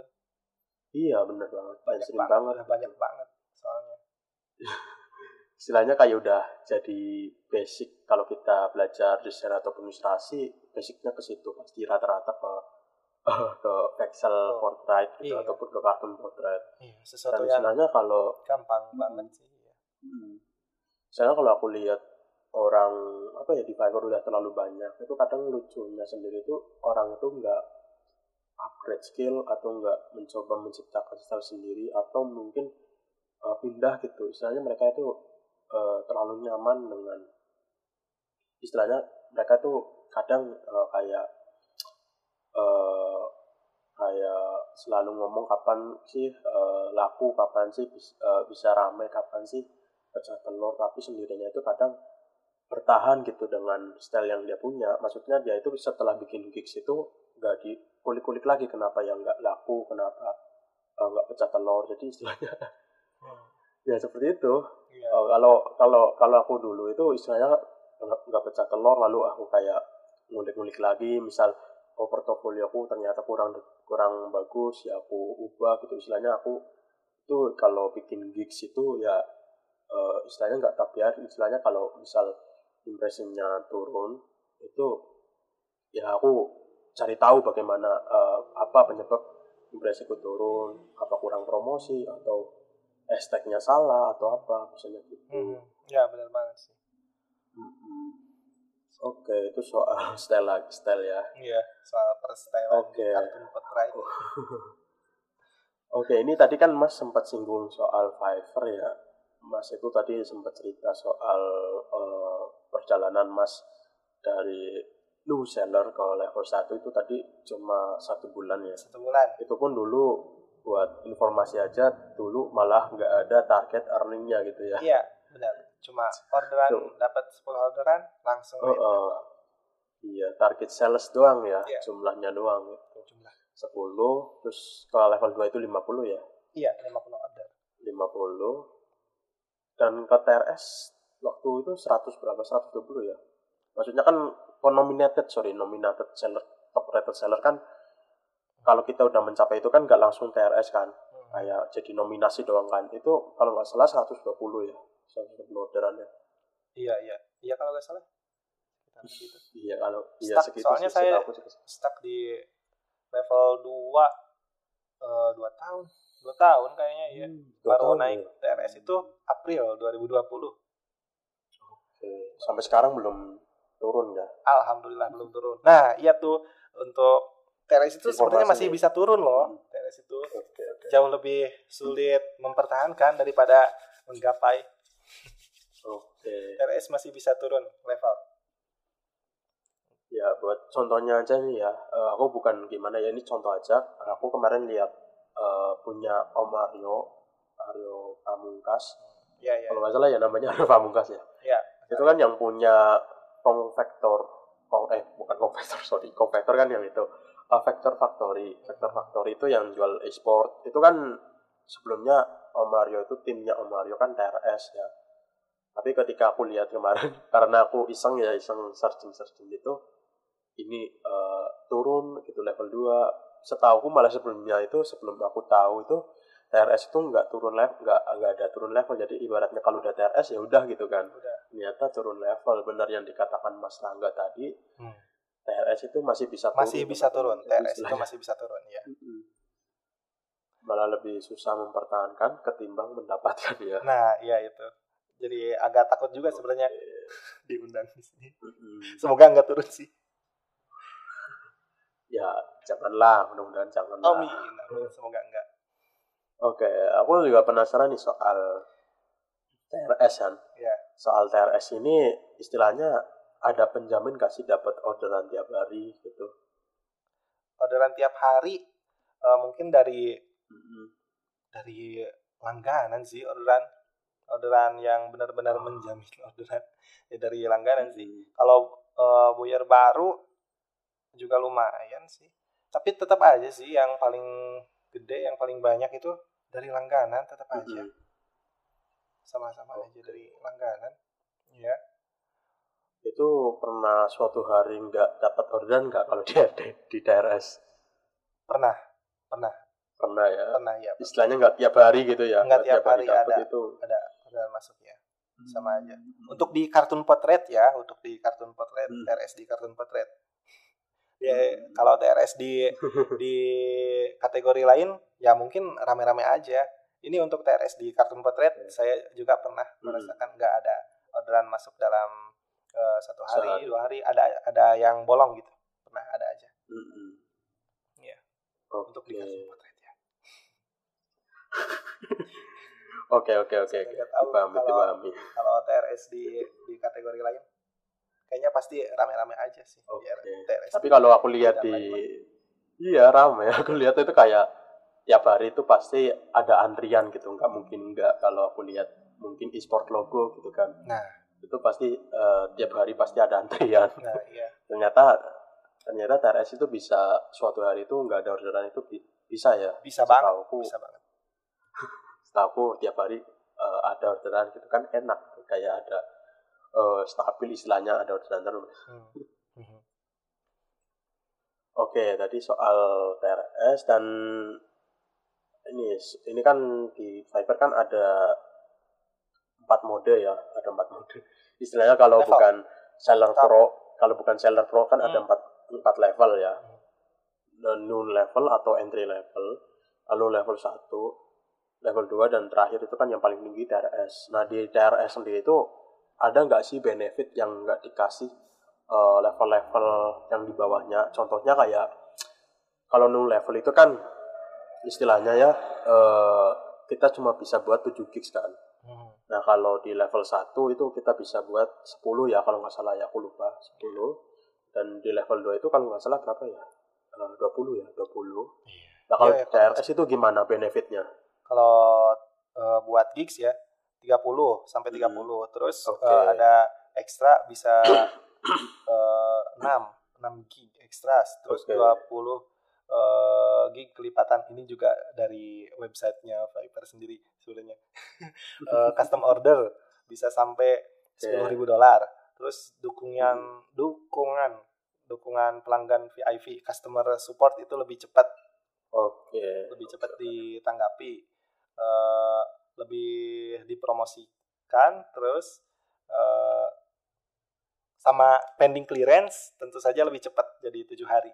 Wow, wow. Lebih cepat Ya, ini yang pending clearance yang sangat sangat spesial Iya, sih. ini Masalahnya di spesial. level-level lain 14 hari. 14 hari ya Di DRS itu itu sih hari yang paling ya. kerasa kayaknya Iya, yang paling oke itu malah oke. yang pending clearance itu. Kalau buat gigs mah nggak mungkin Nggak. kan eh, banyak yang nyampe 30 gitu kan jarang. iya itu mah kayaknya buat yang tim yang punya tim Iya, yang tim-tim soalnya itu saya bisa sendiri sampai sih 30. iya Kalau mas sendiri berapa gigs ya? Dua ya? Atau berapa? Aku lihat itu dua. gigs yang aktif 6 Mm-mm. tapi yang Enam. jadi eh, order yang banyak ya yang kartun potret tetap aja Jadi cuma buat sandingan gitu ya, sandingan Iya. apa istilahnya? buat ya, pajangan buat yang ya laku ya syukur enggak ya nggak apa-apa gitu ya. Hmm. jadi kayak pajangan Oke. Oke, dan aku juga tanya nih sebagai kita kan sama-sama survivor ya. Oke. Dari Mas dulu nih, dari Mas dulu itu ada nggak sih eh, suka duka eh, jadi survivor? Dari sukanya dulu deh. dari sukanya dulu ya mungkin kerjanya lebih eh, bebas nggak nggak disuruh-suruh sama atasan gitu langsung ketemu klien kayak gitu Em, Disuruh klien lah. nggak nggak maksud oh salah salah maksudnya nggak disuruh sama atasan maksudnya atasan Oh, secara iya. langsung gitu nggak Jadi request by klien ya, doang ya. langsung baik klien Oke. terus sama eh duitnya kali ya Duitnya kan. iya sih. iya lebih lebih Gede lah ya. ya, soalnya kan dolar gitu Mm-mm. iya Dolar. Oh. apa ya Itu ya, sukanya itu doang kayaknya. lebih fleksibel Mungkin ini ya, ya lebih fleksibel. Mungkin tak tambahin nih ya. Mungkin eh, pembayarannya lebih terjamin kan. Kalau kita main di luar platform kan ada indikasi scamming, penipuan, phishing dan lain sebagainya. Kalau di Fiverr kita tinggal jualan aja untuk pembayaran dan lain sebagainya nanti diurus sama Fiverr. iya iya iya. Itu iya, doang sih paling. Dan iya. kita juga disediakan tempat lah istilahnya. Kalau kita buat website sendiri kan kita harus bayar. Nah kalau di Fiverr itu gratis. Kita tinggal bikin aja gig istilahnya kan. Iya. tinggal aja bikin gigs. Terus jual. Udah tuh iya iya sih. Itu sukanya. Iya sih, untuk sama buka coba dari Sama- mas. sama promosi ya iya sama promosi kan iya sama sama sama Fiverr-nya sendiri nggak sama kita. Jadi kita nggak Hmm. perlu pusing-pusing buat promosi. Ya itu sih. Iya sih. Kalau dari duka coba kalau dari duka kadang kadang stres. Dukanya itu kadang stres kebanyakan kayaknya semua kerja stres. Ya gimana? Semua pekerjaan stres mas. Iya enggak lah enggak lah. Kayaknya kalau di Fiverr itu lebih lebih stres sih. Maksudnya kayak ada waktu kan ada rundown ada waktu yang yang berjalan terus kan istilahnya. Iya suka kalau pas dulu awal-awal kerja itu bisa sampai larut malam banget sampai jam Hmm. malam jam 2 malam dulu tuh. Hmm. itu sih yang benar-benar eh, gak enak mah. Sama mungkin revisi revisi yang agak permintaan yang agak-agak gimana gitu Heeh. Oke, oke. tapi jarang jarang ketemu juga sih yang kayak gitu Iya. Dan mungkin dari sisi Fiverr itu lebih berpihak ke klien ya mungkin kalau pernah nggak sih kalau ke cancel gitu kan walaupun kita ngerjain udah maksimal gitu kan udah bagus menurut kita udah sesuai dengan keinginan dia tapi masih di cancel juga. Itu pernah nggak? pernah sih mas. Pernah kayak gitu ya udah ngerjain lama-lama ya. Terus dianya merasa Oh. nggak puas cancel aja. Ya udah cancel aja daripada dapat rating jelek kan. Ya udahlah cancel aja. Ah, itu sih yang yang buat resah di Fiverr Mhm. itu kalau aku ya itu sih paling-paling ketemu kalau kalau soal mas sendiri itu kalau ketemu PBSI gimana responnya? Aku jarang ketemu sama PBS isi mas. Asli nggak tahu kenapa jarang. Jarang ketemu. ya mungkin karena harga emasnya itu tidak menarik mereka. Iya kali ya. Iya kali ya. Iya. Tapi jujur aja padahal saya emang, sebenarnya itu emang jarang ketemu sih Heeh. emang. Jarang ketemu sama padahal PBSI bisa dibilang kartun potret itu istilahnya sering banget dimakelarin di sama ya mereka loh. iya Mm-mm. lebih kayak ketika aku lihat teman-teman di FSI di Fiverr Seller Indonesia itu rata-rata yang ketemu PPSI ya gigs itu vector portrait, kartun Iya. portrait karena ya enak banget dimakelarin gitu. alhamdulillah Ya ini aneh kalau aneh kalau, kalau Mas nggak pernah berarti kayak jarang Jarang, sorry, jarang, iya, jarang. ketemu mungkin karena harga yang Mas pasang itu tidak menarik atau memfilter istilahnya ke filter gitu. Iya, dengan klien yang ya. masuk adalah eh, eh, klien yang masuk itu klien yang high quality semua maksudnya klien Semoga yang serius dan nggak main-main. Iya semoga. Oke. Kayak- ya ini Kalau- jadi tips sih buat teman-teman Hmm, yang nggak mau mau ketemu PPSI tinggal naikin harganya aja. Iya, bener. oke tapi pernah sih dapat eh, buyar dari India dia benar-benar buyar kalau yang serius itu dia itu langsung order pilih paket. Oh, nggak oh, ada nggak ada chat chat dulu langsung order. Dia dari India tuh. Bagus sih. Buyar India yang serius. Istilahnya kalau mungkin makelar atau apa atau lagi itu biasanya nanya harga nego gitu ya. Nego-nego dulu ya biasanya. Hmm, nego dan mungkin kalau aku merasakan itu yang eh, makelar-makelar itu minta minta dikerjain dulu sih. Maksudnya gini maksudnya dia order gitu tapi eh, dia itu nyuruh kita ngirim lewat chat gitu bukan lewat delivery order gitu biar nggak kena watermark. Iya. Dan kliennya dia itu eh, istilahnya itu biar lihat dulu gitu. Itu aku juga lagi mengalami sekarang gitu. Tapi ya aku akali sih aku akali dengan kirim gambar dengan low eh, low low Quality. quality, ya. Heeh. kalau mau high ya silakan terima orderannya gitu kan. Silakan cuma buat dilihat doang kan. Iya. Buat dipastiin revisinya mana aja. Kalau kalau aku ngirim high ya rugi. Semisal di cancel dia bisa dapat eh, file high quality-nya gitu. Iya ngeri sih. Benar oke oke ini selain mas eh oke ini nih benar-benar ada pertanyaan lagi. Nih ada rahasia sendiri nggak biar mas dapat biar kita kita sebagai yang belum TRS bisa dapat TRS ada rahasia nggak dari mas eh, Rangga? Waduh waduh. Apa ya? Apa ya rahasia jadi TRS Em, apa ya? Saya juga nggak tahu kenapa Fiverr angka angkat saya jadi TRS ya nggak tahu. Em, mungkin ya mungkin. Mm-mm. mungkin ya Fiverr melihat saya itu disiplin dan konsisten aja gitu. Udah Mm-mm. udah dua dua itu aja. Eh, disiplin sama konsisten. Konsisten. Dua dua itu aja.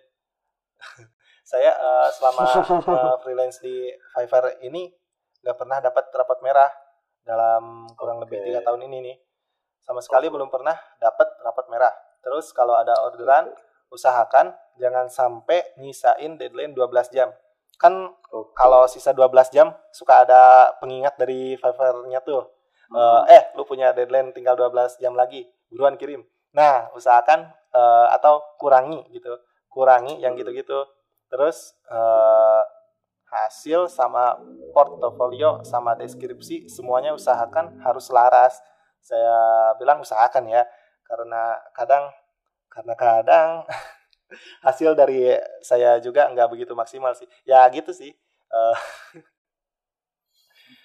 rahasia jadi TRS mungkin ya dari saya Oke. eh, disiplin dan konsisten aja sih udah sih dua itu sih Intinya seperti itu ya. Tadi Iya. dijelasin soal eh, kalau ditanya gini soal mikronya tadi Mas Mas eh, Rangga menjelaskan eh, apa bahwa jangan sampai kena notifikasi Ya, 12 di- jam itu ya tadi ya. lah diusahakan Iya, Iya. aku juga pernah pernah sempat baca itu di forum Fiverr community yang dari Fiverr-nya sendiri itu pernah dibahas bahwa Hmm. kalau pengen orderan kita lancar terus, impresinya naik terus, bahkan bisa nominate nominate ke TRS ataupun Fiverr Choice itu jangan sampai kita kena notifikasi 12 jam. 12 itu. jam ya iya itu kurang kurang Iya.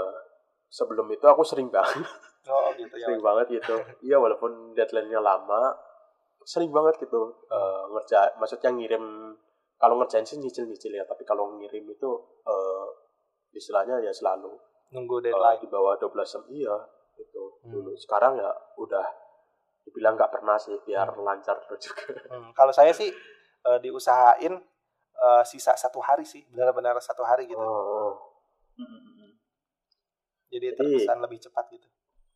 Kalau mungkin rame eh, mending panjangin deliverynya juga ya biar iya. Iya betul. biar nggak biar biar nggak kena itu 12 jam. 12 Kita- jam. Nah iya itu. Notifikasi 12 jam. Oke oke itu mungkin. Ya mungkin ya.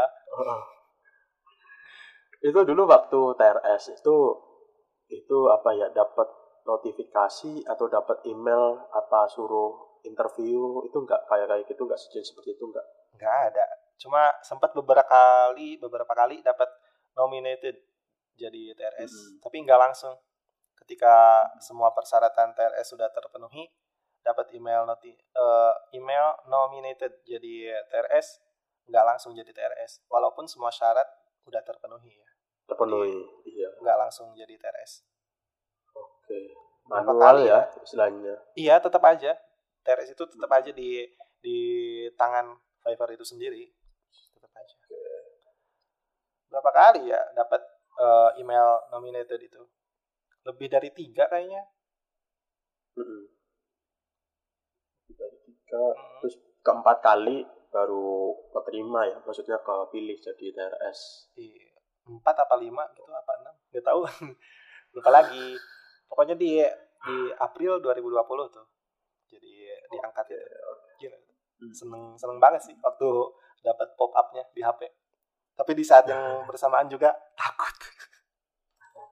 Takut gimana itu? Ya kan jadi TRS kayaknya eh, eh, bakal lebih berat gitu tanggung jawabnya tanggung jawabnya ya ya Mhm. nah mungkin takut apa ya nggak sesuai ekspektasi Fiverr gitu nah ya iya soalnya kan TRS di di tangan Fiverr diangkatnya juga berdasarkan susah gitu kan di ya. nggak semua orang tuh dapat bahkan orang yang earningnya udah banyak pun Iya. kadang nggak nggak nggak TRS gitu kan Nah, iya benar Nah, banget itu. tuh. Banyak banyak banget yang lebih-lebih dari saya tuh banyak banget loh. iya dan earningnya udah ratusan ribu mungkin atau apa tapi eh, apa istilahnya mereka itu belum TRS gitu Hmm. ya susah sih makanya itu ya aku ngundang Mas Rangga ya biar kasih penjelasan buat eh, teman-teman suara freelancer yang mungkin punya target jadi TRS Oke, itu soal Fiverr tadi ya. Eh, tadi Mas Rangga udah jelasin awal mula, lalu sempat kasih tips juga. Oh ya, mungkin dari tips nih, tips yang bukan TRS ya maksudnya Iya. Mas sendiri itu ada tips nggak sih eh, buat teman-teman freelancer biar Fiverr-nya itu orderannya lancar selain tadi ya selain TRS tadi mungkin ada tips sendiri kah. Hmm, apa ya? paling sama ya kayak tadi ya menjaga Iya sih, eh, sama aja soalnya. sama Soalnya kan kartun potret ya gigsnya. Mm-mm.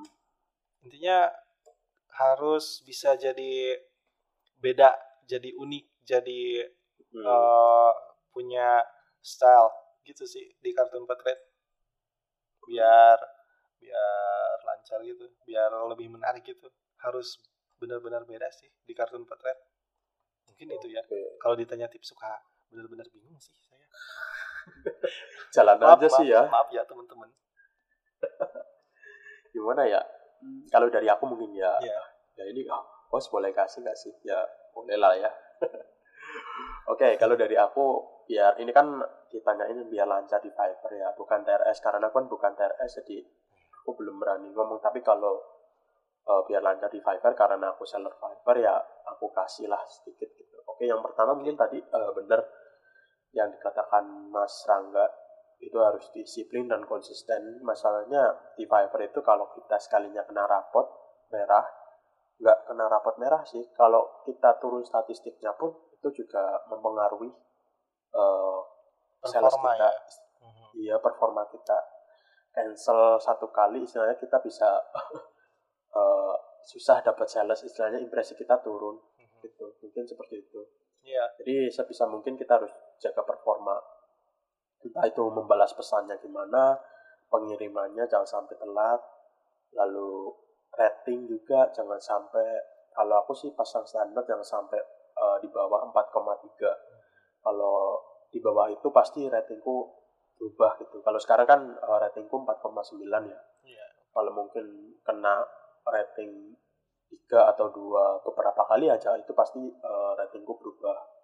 Itu sih soal rating. Jadi sebisa mungkin teman-teman hmm, apa ya kita jangan terlalu eh, idealis lah. Istilahnya kita juga kalau klien minta revisi ya kerjain gitu biar eh, klien itu puas Nah, iya. Seperti itu.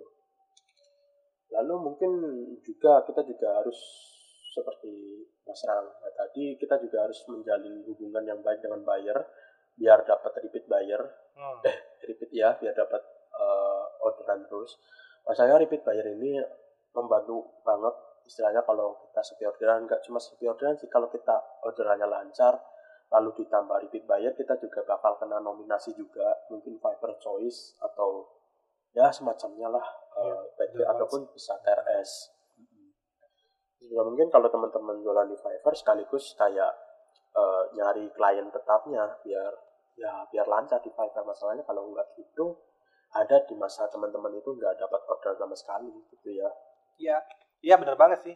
Langganan itu bisa jadi penyelamat di kala di kala sepi. Kalau ditanya gimana cara dapat langganan di kartun potret ya. Kalau Ah. ada buyer baru nih ya, buyer baru, dia langsung order nih di basic package. Hmm. Di basic package itu cuma eh, sebahu, terus eh, deadline-nya empat hari ya. Misalnya itu itu punya saya tuh, sebahu sama empat hari. Nah kita usahain eh, ngerjainnya lebih cepat dari empat hari itu. Misalnya jadi Iya. dua hari langsung kita kirim dengan kualitas tentu saja dengan kualitas yang bagus juga.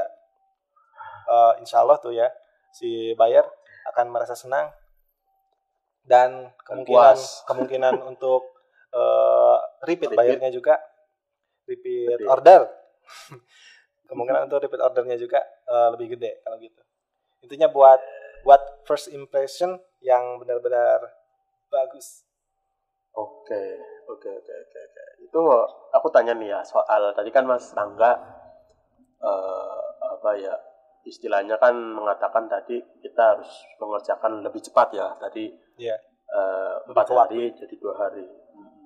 Itu Mas Rangga pernah nggak sih eh, kita istilahnya garap lebih cepat kan? Istilahnya eh, yang seharusnya empat hari kita ngerjain lebih cepat lah biar eh, klien itu repeat order. eh, puas ataupun repeat order. Itu pernah nggak mas udah ada cepet-cepet susah-susah malah dikira filter atau apa karena saking cepetnya itu pernah nggak?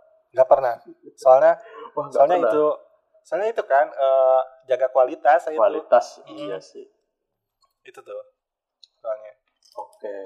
Rata-rata Karena seneng sih mereka dan dan dapat tips justru. Ini kadang yang aneh itu aku belum pernah dapat skala yang seperti itu ya tapi dari cerita temanku eh, itu pernah gitu. Eh, men- eh, mencoba untuk menggarap lebih cepat tapi Hmm. ternyata dikira dikira filter. dikira filter.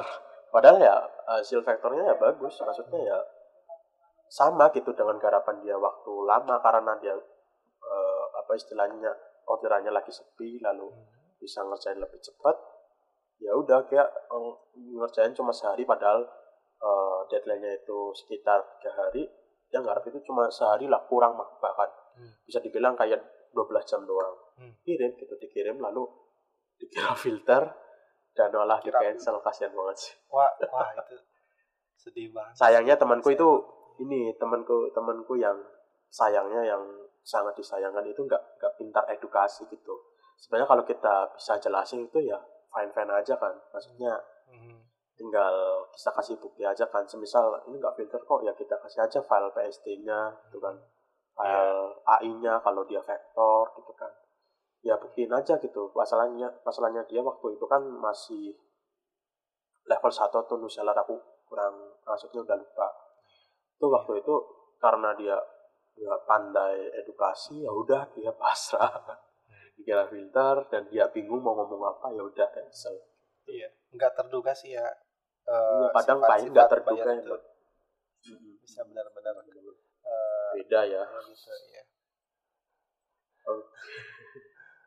ada sih ya ya kalau Mas Rangga ini mungkin karena eh, buyer-buyer yang masuk itu udah itu harga itu mau filter sih istilahnya aku eh, apa ya pernah baca postingan orang itu harga di ketika kita masang harga itu memfilter buyer kita gitu Hmm. jadi istilahnya kalau Mas Mas Rangga eh, dengan harga sekarang itu ibaratnya itu memfilter yang masuk-masuk bank itu yang emang yang benar-benar tahu gitu dan benar-benar suka Hmm. oh kalau iya kita pasang murah ya bisa dimaklumin lah bisa dapat buyer yang nggak paham lah dan lain sebagainya lah karena karena harga murah itu dia masuk gitu. Jadi ya Hmm. ya sifatnya lebih random lagi gitu ketimbang yang punya mas tangga bener banget sih mas. Bener banget sih mas. Iya. Iya sih gitu. Jarang banget. Soalnya saya ketemu sama sama buyer-buyer yang rewel. Alhamdulillah. Apalagi PBSI ya. Iya jarang. apalagi PPSI jarang. Oke. Iya, jadi iya, pelajaran selanjutnya yaitu coba di Oh, dinaikkan Jadi- harganya aja kalau nggak mau ketemu iya. buyer yang yang tidak bisa diantisipasi seperti itu. Oh iya dinaikin harganya dan juga juga harus dinaikin kualitinya ya nah iya harus harus selaras harga naik jangan cuma juga servis sama kualitas juga harus naik. Iya kalau harga doang naik kualitas jelek ya ya nggak ada Ya, masuk. iya Oke, itu soal Fiverr ya udah dijelasin Fiverr banyak, Iya, cerita menurut- banyak. menurut saya ya itu Ya menurut menurut Mas pengalaman saya. Rangga dan saya juga tadi nambahin sedikit. Iya. ya itu seperti itu teman-teman soal Fiverr dan ini aku juga penasaran gitu kan apalagi Mas Rangga kan bisa di- dianggap freelancer kan. Hmm. Di mana eh, freelancer itu kan kalau di mata orang tua itu eh, saat dulu ya entah kalau saat ini aku kurang tahu. Kalau dulu itu dianggap pengangguran modern lah atau dianggap nggak ngapa-ngapain lah gitu. Kalau dulu reaksi orang tua Mas Rangga itu gimana? Eh, soal Mas Rangga jadi freelancer. Alhamdulillahnya eh, kedua orang tua saya baik ibu maupun ayah itu ya mendukung mendukung aja. Mereka ngerti gitu apa yang saya lakuin apa yang saya kerjain itu mereka ngerti gitu. Hmm, pernah suatu kali itu komplain nggak? Misalkan awal-awal mula kan nggak mungkin kan eh, menghasilkan gitu kan. Pasti kan ayah ada proses apalagi kan yang tadi soal mas pernah order gitu. Maksudnya eh, pernah dapat order dari guru karena kasihan itu kan kayak pasti di saat-saat itu kan penghasilannya nggak terlalu gede. Apalagi kan eh, kalau saya itu kan seusia saya saat dulu kan teman-teman saya itu udah kayak menghasilkan udah kerja di pabrik gitu kan. Yang penghasilannya itu kan udah gede udah Iya, UMR eh, Cikarang dan lain sebagainya. Itu dulu sikap orang tua itu gimana? Kalau waktu dulu Mas Rangga itu belum menghasilkan atau apa? Mereka suportif sih mas. Asli mereka eh, eh, mendukung gitu. Nggak ada Heeh. ngejudge atau apa gitu. Mereka cenderung mendukung justru lakukan aja yang saya lakuin gitu yang saya Suka. suka gitu. Lebih kayak gitu sih. Kayak- nggak dari orang tua pun nggak support ya. Nggak ada nggak ada Heeh. tuntutan tertentu gitu. Santai mereka. Kayak percaya kayak percaya aja gitu sama saya. Heeh. Oke, jarang-jarang sih eh, orang tua yang seperti itu.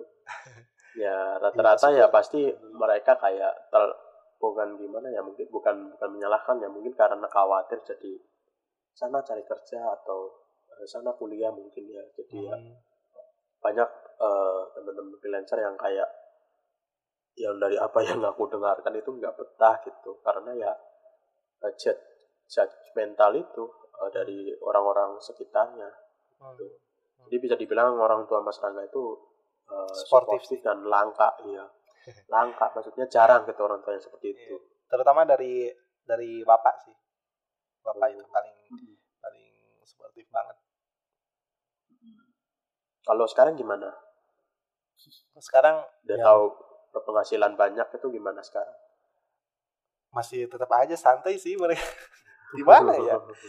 Ya kayak biasa aja gitu ya. Yang pasti kalau kalau mereka orangnya ekspresif mungkin ya udah mengungkapkan dengan kata-kata gitu. Tapi kalau dilihat-lihat ya mereka ya biasa aja sih yang penting anaknya sehat dan iya senang nah itu kali sih ya kayaknya eh, pemikiran orang tua tuh. Karena mungkin mereka juga nggak paham kali ya. Hmm. yang penting eh, anaknya suka Mhm. anaknya enjoy menjalankannya ya udah gitu Iya. kan.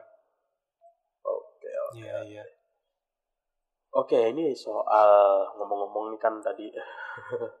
Mas Rangga hmm, TRS dan lain sebagainya itu boleh nggak sih aku tanya soal pencapaian yang udah pernah didapat gitu ketika menjadi freelancer. Itu ada nggak?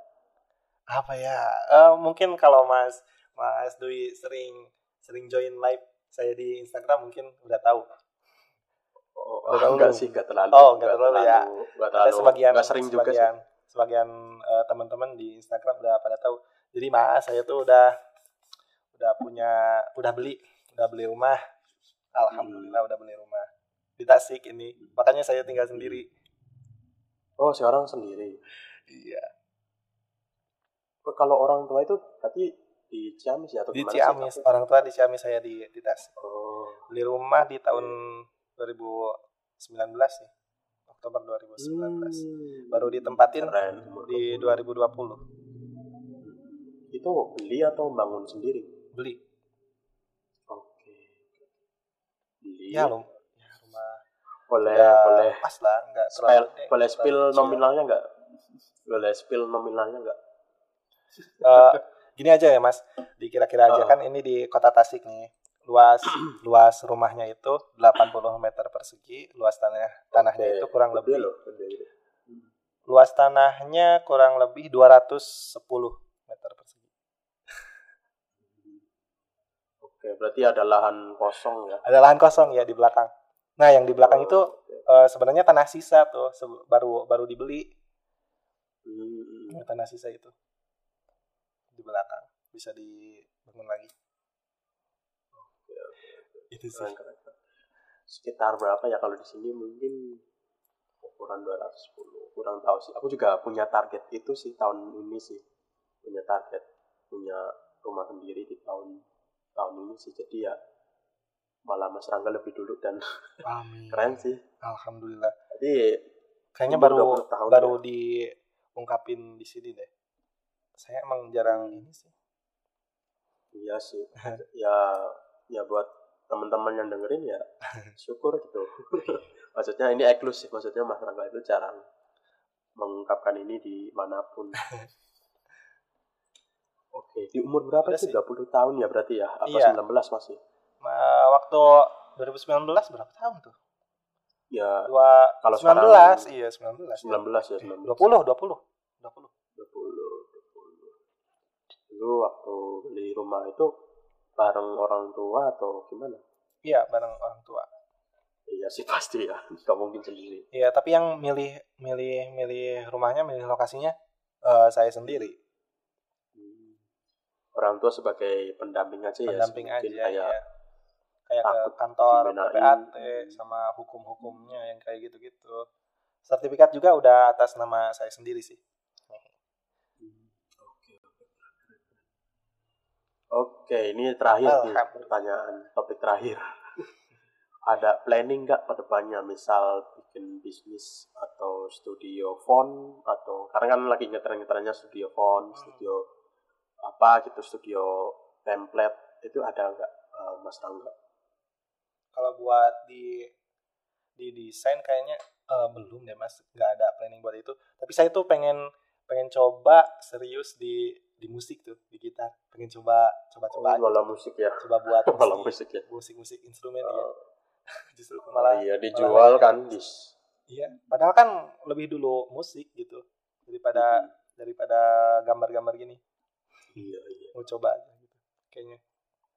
Bisa sih, instrumen musik, jingle, outro, intro, eh, backsound itu dijual di elemen, empat elemen, Hmm. setauku ya, empat Ya. elemen. Iya, iya, iya. Terus di situs-situs lain sih aku kurang tahu, tapi kalau di situs kayak eh, di situs yang biasanya aku kunjungi itu Envato elemen itu jual musik-musik seperti itu. Hmm. gitu. Atau bukan dengan sistem eh eksklusif juga bisa, misal jual ke, misal mas eh, yang aku lihat sekarang itu kayak kita buat eh, TikTok gitu kan, musik di Hmm. TikTok. Nah musik itu ketika ada yang gunain sebagai promosi, media promosi atau sebagai istilahnya eh, sebagai iklan itu juga ada gitu lisensinya dan bisa dibeli. Hmm. Contoh aja kayak lagu-lagu yang eh apa musik-musik yang lagi viral itu eh, waktu apa ya aku lupa nama iklannya. Pokoknya itu ada gitu eh musik yang dibikin oleh kreator lokal terus dipakai iklan susu tapi aku lupa nama susunya. Eh, dipakai kreator iklan susu dan itu dibayar dan dibeli secara eksklusif musiknya. Itu juga bisa sih. Mau coba coba pintar-pintarnya aja sih. Eh, tapi ya alatnya banyak tuh kalau musik itu Nah, iya malah alatnya. kayak dari lebih ribet ketimbang desain. eh, aplikasi Lebih. mixing kayak gitu-gitu. Heeh. Lebih banyak ketimbang desain aplikasi Iya, lebih banyak. eh masih maksudnya budgetnya lebih banyak eh, musik ketimbang yang desain gitu. Iya, iya sih. oke oke jadi oh untuk mungkin kalau bisnis lain di luar digital itu ada nggak Apa ya? Belum ada kayaknya, Mas. Saya itu kayak mengalir aja gitu. investasi investasi enggak Investasi yang saya ngerti itu cuma eh, sekarang itu cuma properti sih, baru ngertinya. Sebenarnya Hmm. belajar juga sih kayak reksadana, saham yang kayak gitu-gitu. Sebenarnya belajar juga belum berani nyebur aja. Hmm. Masih takut. Soalnya kalau properti properti apa ya nggak Lebih- terlalu ribet sih Nah, iya maksudnya nggak ya udah dan apa tiap tahun naik terus itu Nah, pasti iya iya itu. Tapi enggak kalau enggak secair saham dan teman-temannya. iya nggak apa ya kadang kita jual pun susah ya kadang jual pun susah Mm-mm, mm-mm. Kelemahannya itu tuh. Iya. itu. Mm-mm. nggak bisa misalnya kalau kita cuma beli-beli properti doang kalau nggak digunain untuk kontrakan Kontrak mungkin atau atau kos atau itu susah sih Mm-mm. kalau aku Iya, lihat iya emang. Dijual pun juga susah Ah. jadi ya lebih baik ketika kita beli ya digunakan kalau nggak kontrakan ya kos-kosan Iya. atau kayak kasus ini Pertamina kemarin tahu nggak Gak tahu tuh, Mas. yang tanah warga itu eh, ternyata di bawahnya itu ada minyak atau apa aku kurang tahu ya detailnya tapi ada tanah warga itu di dalamnya itu ada minyak atau apa terus dibeli oleh Pertamina yang bekerja sama dengan eh, perusahaan mana gitu luar negeri aku kurang perusahaan mana ya Yang itu warganya seperti itu langsung beli mobil bukan sih? itu? Iya itu iya di Tuban apa ya yang warga-warganya itu beli langsung beli-beli mobil, mobil, kan? lima mobil, empat mobil, iya. Oh iya. Ya itu. Iya iya. Itu juga investasi kan kalau misal kita beli tanah sewaktu-waktu tanah kita mungkin ternyata mengandung tak minyak atau fosil atau Iya. Harta karun kan nggak tahu juga kan. Iya. iya sih. itu Langsung. gede banget loh. Tanah berapa dapat berapa miliar itu. Mhm. Mhm. Nah itu juga bisa mungkin Mas ya, eh, Mas Rangga pengen Kaca. ikutan beli beli tanah random mungkin siapa tahu ada ada minyak atau apa. Iya. Iya iya. Ya itu buat tadi bisnis nggak belum ada ya bisnis belum ada investasi belum berani ya belum belum nyebur Belum nyebur ya. kalau digital tadi paling musik ya Mau coba ya? Mau Coba. oke oke itu segi istilahnya eh, pembahasannya cukup segitu dan ini kita lanjutkan ke pertanyaan dari sobat freelancer dari WhatsApp maupun Instagram Oke. Oke langsung aja ya. Yang pertama itu dari Mas Tanzib Instagram. Itu pernah nggak sebelumnya kerja selain jadi freelancer sebelum jadi freelancer itu ada nggak riwayat kerja atau apa? Enggak pernah. Sebenarnya udah dibahas tadi ya, Iya, cuma iya, nggak secara langsung. Sempat lamar-lamar ya? kerja kan ya gitu. Tapi Hmm. nggak ada yang eh, masuk. Mm-mm. Jadi lanjut lanjut Hmm. nge Fiverr nge freelance. Freelance. Oke oke. Oke lalu yang nomor dua itu pencapaian terbesar selama menjadi freelancer. Mungkin selain rumah ada lagi Ya paling terbesar kan ya udah rumah. rumah ya. Oke. Udah rumah. oke. Mhm. rumah pun juga udah ngeri sih di umur di umur 20 20 ya 20 tahun. 20 ya sekarang sekarang 21. Oke. Lalu yang nomor tiga eh, cara manajemen waktu ala Mas Rangga karena kalau main Fiverr kan kadang sampai begadang gitu itu gimana cara mengatasinya? harus ditarget sih sehari harus Hmm. punya eh, harus beres berapa potret gitu kalau saya sendiri sehari itu minimal minimal harus beres tiga potret dan sisanya tergantung Hmm. deadline bisa juga lebih sih tapi minimal Hmm. sehari harus beres tiga potret Oke itu ala Mas Rangga ya. ya itu yang saya lakuin Oke. minimal jadi kan eh, Hmm. masih ada bisa istirahat gitu di malam harinya Mm-mm.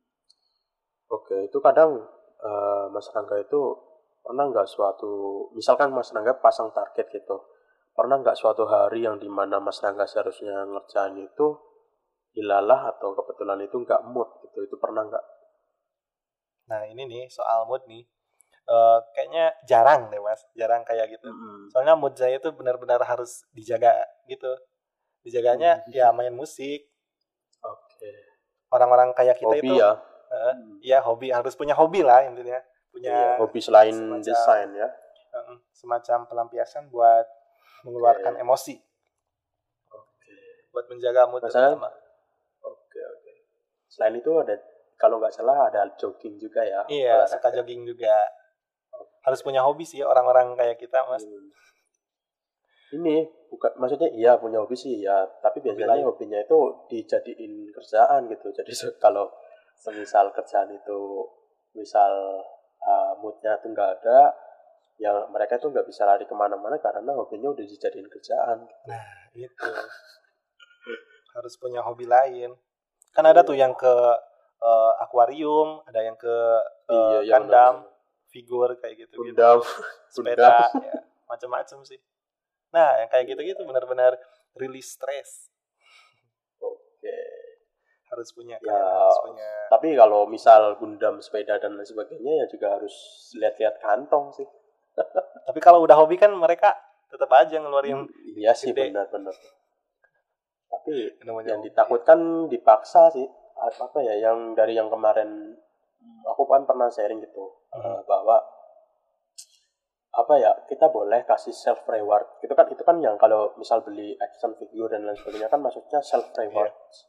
Iya. itu ya kita boleh kasih self reward tapi ya tahu porsi gitu. Ibaratnya ya oke lah kita nyenengin diri sendiri gitu kan. Eh, mungkin beli action figure tapi kita juga harus tahu kondisi keuangan sih. Kalau enggak ya istilahnya eh, kita apa istilahnya kerja juga uh, istilahnya kayak muter-muter gitu. Uh, kita kerja kan stres sedangkan uh, duit dari kerja itu untuk ngobatin stres gitu. Jadi kayak muter-muter muter-muter gitu. Iya. Jadi iya ya, sih kalau kalau hobinya berkaitan sama uang gede iya sih. Nah, kayaknya itu. bakal gitu ya malah sama, uh, uh, kayak gitu. Malah hasil itunya sia-sia istilah sia-sia iya. sih kayak kayak sayang gitu kan uh, kita juga cari cari itu juga stres gitu mati-matian. Ya eh juga, pas ya. stres atau mati-matian malah duitnya dipakai buat beli itu gitu kan. Ya tahu kondisi sih sebenarnya. Hmm, tahu kondisi lah. Hmm. mungkin kalau cara termurah sih ya ya jalan-jalan sih. Jalan-jalan terus uh, jajan gitu. Jajan aja ke mie ayam atau kalau aku makan ya.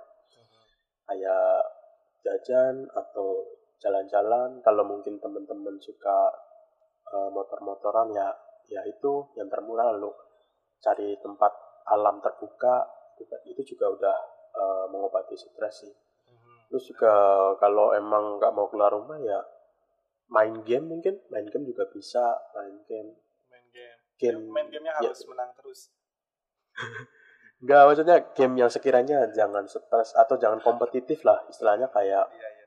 game game GTA yang enggak online gitu. Maksudnya kita jalanin misi-misi yang tanpa harus kita kompetitif atau yang bikin stres. Game-game seperti itu sih. Kalau game-game yang kayak Mobile Legend, PUBG dan lain sebagainya sih itu malah tambah stres sih. Iya Oke, ini lalu pertanyaan yang keempat dari WhatsApp, tapi aku lupa nyatet namanya. Itu cara menjaga hubungan baik dengan buyer bisa repeat order itu gimana? Komunikasi yang baik tentunya pasti. Hmm, oke okay, oke. Okay. Komunikasi Sama, ya. Hmm, komunikasi yang baik. Sama kalau dia order, pastikan kualitasnya terjaga juga. Hmm, oke okay, oke. Okay. Oke. Yang paling utama Lalu. komunikasi sih. Hmm, oke. Seperti yang disorot episode bareng Nabil sih emang komunikasi itu penting hmm. itu kan Nabil bilang bahwa dia kan punya klien langganan ya yeah. itu wah bisa dibilang di umurnya masih SMP klien langganannya banyak gitu hmm. dia mengatakan bahwa kunci semua itu adalah komunikasi gitu. komunikasi yang baik jadi buat teman-teman yang mungkin punya pertanyaan yang sama uh, rahasia menjaga hubungan baik dengan buyer biar buyer bisa repeat ya komunikasi gitu. Lalu pertanyaan yang terakhir nih. uh, tips buat pemain Vector Fest yang baru buka gigs di Fiverr sedangkan di Fiverr itu kan udah terlalu rame ataupun mainstream itu ada tips nggak buat teman-teman yang baru mulai ya seperti yang sudah iya sih. Jelaskan ya. Bisa iya. Yang main lagi, di ya. kartun potret yang main di vector face harus uh, diharuskan ya. Menurut menurut saya ya diharuskan kayak hmm. harus punya style yang unik aja gitu yang menjadi pembeda. Contohnya ya kayak tiga seller dari luar negeri tadi yang saya sebutkan si uh, Denny Kasafovic sama hmm. Valentina Gulina terus sama Chris Data. Coba deh lihat uh, vektor face mereka.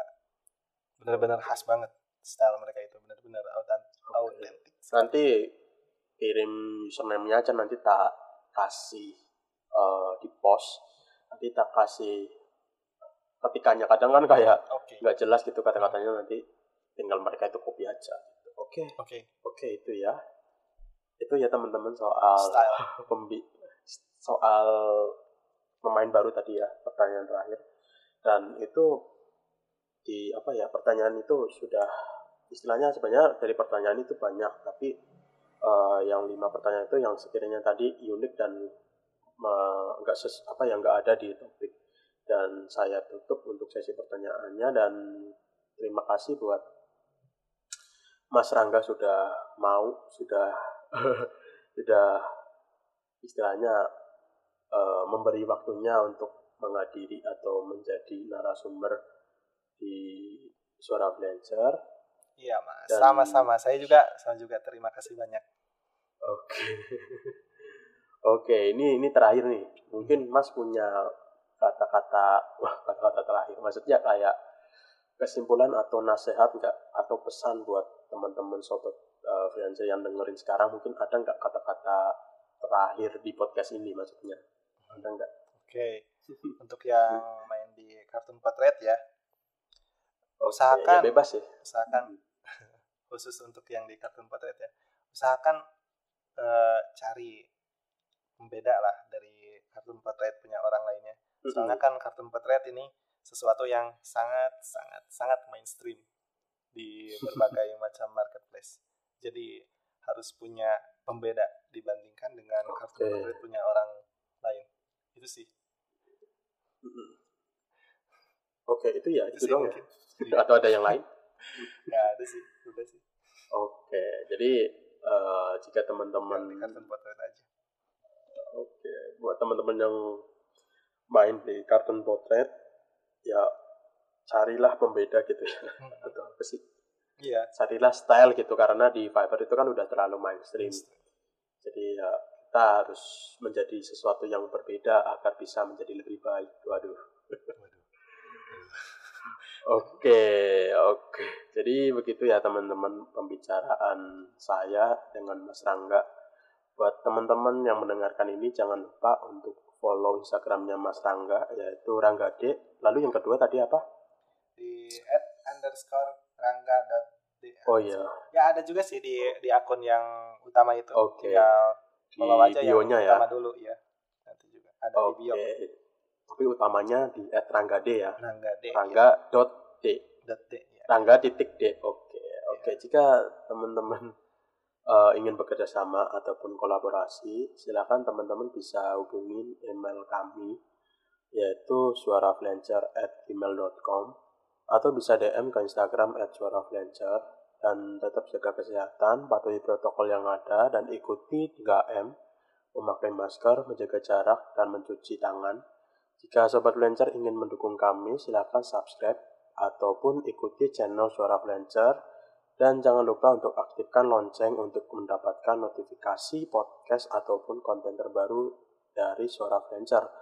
Dan jangan lupa untuk follow uh, Instagram Suara Flancer yaitu @suaraflancer. Jika teman-teman ingin beri dukungan melalui donasi, silakan teman-teman uh, kunjungin uh, traktir kami yaitu traktir uh, .id slash suara flancer atau teman-teman bisa klik linknya berada di deskripsi podcast ini. Saya Di Febrianto sebagai host Suara Flancer, izin pamit dan sampai jumpa pada episode berikutnya. Bye. Terima kasih.